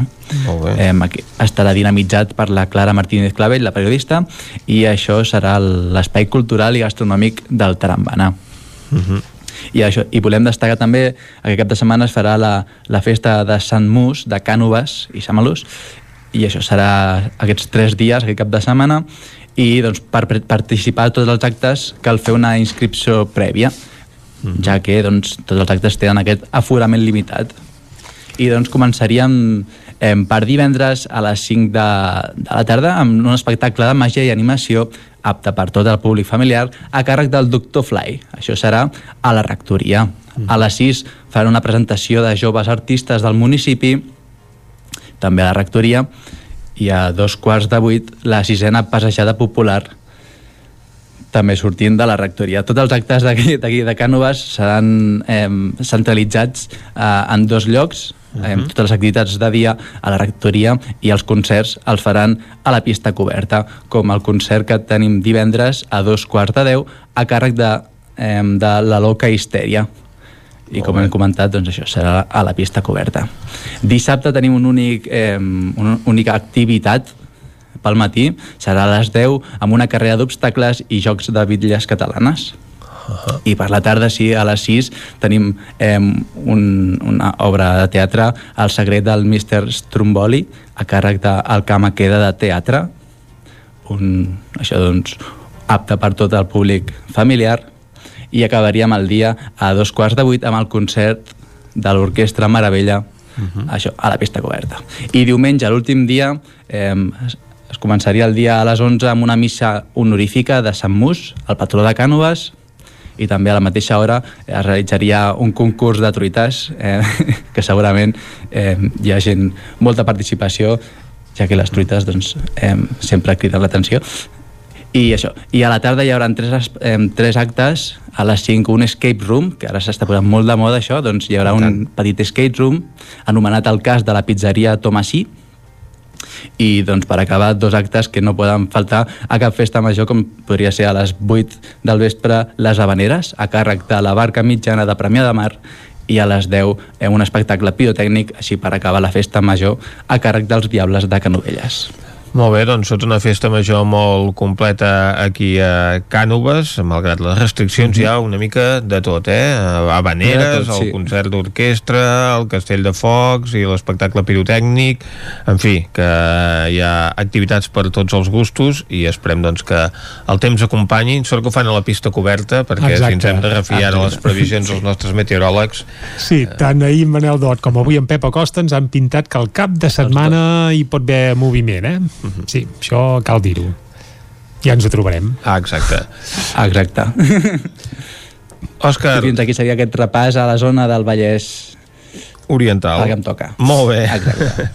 doncs moltes que gràcies, Òscar. Ara gràcies. nosaltres anem cap a, al Ripollès i al Ripollès i tenim l'Isaac Muntades. Bon dia, Isaac. Bon dia. Doncs mireu, aquest pròxim divendres a les 6 de la tarda al Palau de l'Abadia d'aquí a Sant Joan de les Abadeses es presentarà el llibre Les comunicacions a través del Pirineu, el ferrocarril transpirinenc, el pas per la collada de Toses, que és de l'autor Lluís Garcia i Rifà, i es tracta d'una publicació doncs, que ens recorda la història de la línia de ferrocarril de Ripoll a Puigcerdà, o també coneguda com la Transpirinenca, que comença l'antiga bifurcació de la línia de Sant Joan de les Abadeses i acaba a la Tour de Carol, després de travessar la frontera francesa i que fins i tot es va plantejar la possibilitat, com sabeu, de convertir-la a la línia ampla internacional per connectar-la a la xarxa francesa. Es tracta d'una infraestructura estratègica molt important tant per a la indústria com per al turisme, per tant la decisió de construir-la va tenir un impacte molt eh, gran per la zona. En l'acte a banda de l'autor també hi haurà la regidora de Cultura de l'Ajuntament de Sant Joan, Maria Rosa Freixanet, el director de Ferrocarrils de la Generalitat de Catalunya Turisme i Muntanya, Toni Sant Martí, l'alcalde Ramon Roquer i el professor de la Facultat d'Empresa i Comunicació de la UBIC, Santiago Ponce. Uh, per confirmar assistència doncs, s'ha de trucar a l'oficina de turisme. I bé, Lluís García Rifà dir que és de Ceba, d'aquí d'Osona i pertany a una família de tres generacions de, de la qual doncs, van treballar totes a la línia Barcelona-Sant Joan de les Abadeses de fet el seu besavi treballava des de la inauguració l'any 1880 i el seu avi i pare van ser caps d'estació. I doncs, ha documentat la seva història en fons familiars i també a través d'investigacions durant més de, de 30 anys. I a més a més l'any 2015 se li va atorgar un Premi Especial Bona Plata per l'Associació del Museu de la Ciència i de la Tècnica i d'Arqueologia Industrial de Catalunya per la seva tasca doncs, de difondre el patrimoni industrial. Uh, després uh, també dues activitats més per acabar a Ripoll. Uh, fins al 30 de juny a Ripoll es podrà visitar la Biblioteca Lambert Mat a l'exposició Dibuixos, Aquarel·les i Textures de Teresita Juli i Josep Vilaplana, per tant una exposició pictòrica amb dibuixos també que hi ha algun, per exemple, algun dibuix, alguna aquarel·la de, del monestir que està bastant bé també. I eh, també a Ripoll una altra exposició des d'aquest eh, pròxim diumenge fins al 19 de juliol al Museu Etnogràfic de Ripoll. S'hi podrà veure l'exposició Llum a l'ànima de Palmira Jaquetti 1895-1963 eh, eh, cal recordar que Palmira Jaquetti va ser eh, una poetesa folclorista, li podem dir, també compositora i traductora catalana que va néixer a Barcelona i que, entre altres moltes coses, és coneguda per la seva participació a l'obra del cançoner popular de Catalunya, així com el llibre de poesies L'Estel dins, de, dins la llar, que es va escriure en plena Guerra Civil Espanyola, on Jaquetti va manifestar l'angoixa per la guerra i aquell llibre es va llançar com a part de la col·lecció poètica del grup literari L'Oasi i, per tant, doncs, eh, una, una exposició molt interessant sobre la figura d'aquesta poetessa i fins aquí seria totes les, act les activitats culturals que us recomanaria per fer al Ripollès doncs, durant aquest cap de setmana. Moltes gràcies doncs, Isaac Muntades des de la veu de Sant Joan i ara nosaltres acabem aquest recorregut cultural d'actes mm -hmm. que podem fer al llarg dels eh, propers dies en matèria cultural a Ona Codinenca. Ho fem amb la Caral Campàs. Caral, bon dia de nou. Hola, bon dia. Quines activitats tenim al Moianès i també aquesta zona del Vallès Oriental? So, doncs, mireu, al Moianès no gaire res uh, i em centraré a la, a la zona de la part alta del Vallès. Uh, uh, mireu, començo des d'aquí, des de Sant Feliu de Codines, que com bé sabeu aquest dissabte hi ha la presentació del llibre La Medium de l'autora uh -huh. novella Judit Peric, que, que hem pogut conversar amb ella al Lletra Ferits d'avui, que és veïna d'aquí, Sant Feliu de Codines. Uh -huh. Això serà dissabte a la sala d'actes del Centre Cívic La Fonteta a les 7 de la tarda i cal inscripció prèvia per assistir-hi a través de del web de l'Ajuntament. I no deixo Sant Feliu perquè aquest eh, diumenge a dos quarts de set de la tarda al pati de l'escola FEDAC acull eh, una tarda de teatre amb la tarda de misteris, la nit de les joguines de Josep Canet, una representació que per accedir-hi, per participar-hi també cal doncs, adquirir entrada a través d'entrepolis.com. Aquest, aquesta jornada doncs, de, de teatre infantil, la mostra de teatre infantil eh, s'havia hagut de plaçar en el seu moment i deixar allà 81 doncs, pot finalment dur-la a terme aquest diumenge a la tarda. I me'n vaig cap a Vigues i Riells i és que aquest dissabte acull el Rat Fem Regatec, un festival eh, feminista de música electrònica que és fruit dels pressupostos participatius de joventut. Hi haurà tres punxadiscs i això serà doncs, durant tota la tarda, des de les 5 fins a les 11 al Parc de Can Badell i també per participar-hi, per accedir-hi, doncs cal eh, fer una reserva prèvia que, que és gratuïta a través d'Entràpolis um, i a més a més, a banda de d'aquestes punxadiscs hi haurà també un taller d'estampació eh, tèxtil. I me'n vaig i acabo a Caldes de Montbui, uh -huh. començant explicant-vos una exposició i és que uh, aquest uh, divendres, dissabte i diumenge hi ha una exposició a la sala del G que porta per nom Intermitències Creatives i uh, es poden veure les obres dels alumnes del taller d'art municipal Manologuer. Es podrà visitar divendres a la tarda, dissabte matí i tarda i diumenge uh, al matí. Uh, per accedir-hi doncs, també cal uh, demanar um, hora a través de, doncs, del web de, de l'Ajuntament i acabo amb tres propostes musicals Molt bé. uh, consecutives divendres, dissabte i diumenge a Caldes val?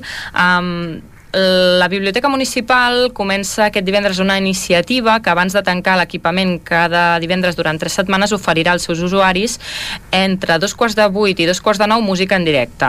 Aquesta iniciativa comença, com deia, aquest divendres eh, que es podran escoltar les veus eh, de la coral al Calderí eh, i per participar-hi també cal doncs, avisar eh, a través de, del web de la biblioteca o del mateix Ajuntament i inscriure's per poder participar-hi doncs, a aquesta, aquest tancament que es farà cada divendres i que, com deia, començarà amb, aquestes, amb aquesta interpretació de la coral del Calderí aquest eh, divendres a la Biblioteca Municipal. Segueixo dissabte a les 7 de la tarda eh, tenim eh, Luis Robisco que presenta la guitarra d'ahir i d'avui. Això serà al Casino de Caldes, eh, té un preu de, de 10 euros i el músic doncs, ens porta la guitarra espanyola i flamenca. Eh, comentar-vos que els seus concerts com a solista són un viatge en el que doncs, recorre eh, des del més pur flamenc tradicional fins a les seves pròpies composicions de flamenc fusió actuals passant també per algunes uh, de les obres més conegudes del clàssic espanyol. I tanco aquestes propostes musicals aquest diumenge també a Caldes, en aquest cas a les 12, eh, i és que el grup Flaustaff presenta un recull de temes del món de l'òpera i tocaran també alguna de les obres mítiques del grup. L'accés al concert és gratuït, però també cal reservar entrada a través de entrapolis.com. Doncs, Caralt, moltes gràcies per totes aquestes propostes. I afegim encara alguna proposta més, Vicenç, perquè Va. veig que ens queda un minut. Per exemple, a Bemba Saoko, aquesta formació de fusió, serà a la sala a la Canal dissabte a les 10 del vespre amb un espectacle que es diu Bemba Saoko 360 graus. Què vol dir això? Uh -huh. Doncs que el públic eh, seu els hi calcen uns auriculars que, bé, amb sistema wifi fan que tu et sentis com si estiguessis a dins del grup. A més, els músics toquen eh, pel mig del públic, es posen per allà... Bé, és a dir, conclusió, no hi ha altaveu, sinó que els altaveus són uns cascos que et calçaran eh, això, a les orelles i tu eh, sentiràs allò rotllo 360 graus com si estiguessis ben bé tocant amb ells una experiència mm. tot curiosa que es podrà viure, doncs, això, a Tona eh, aquest dissabte a partir de les 10 del vespre, amb els Bemba Saoko, i per cert aquest concert servirà també per tancar la programació dels teatrets d'Osona, dels quals forma part la Canal, i encara podem dir una darrera cosa, Centelles, eh? on hi haurà màgia. Uh, exacte, Centelles continua la gira del Maca Lari, en aquest cas no actuarà a nit, com uh, és el títol del seu espectacle, sinó que ho farà el uh, diumenge al Casal Francesc Macià a les 12 del migdia i a dos quarts de sis de la tarda. Doncs el cap de setmana passat que el teníem a Ceba, aquest el tindrem a Centelles. Sí, senyor. I amb el Marc Lari fem màgia i tanquem el programa ja, no? Ah, exacte, és Va, l'hora de desaparèixer. desapareixem.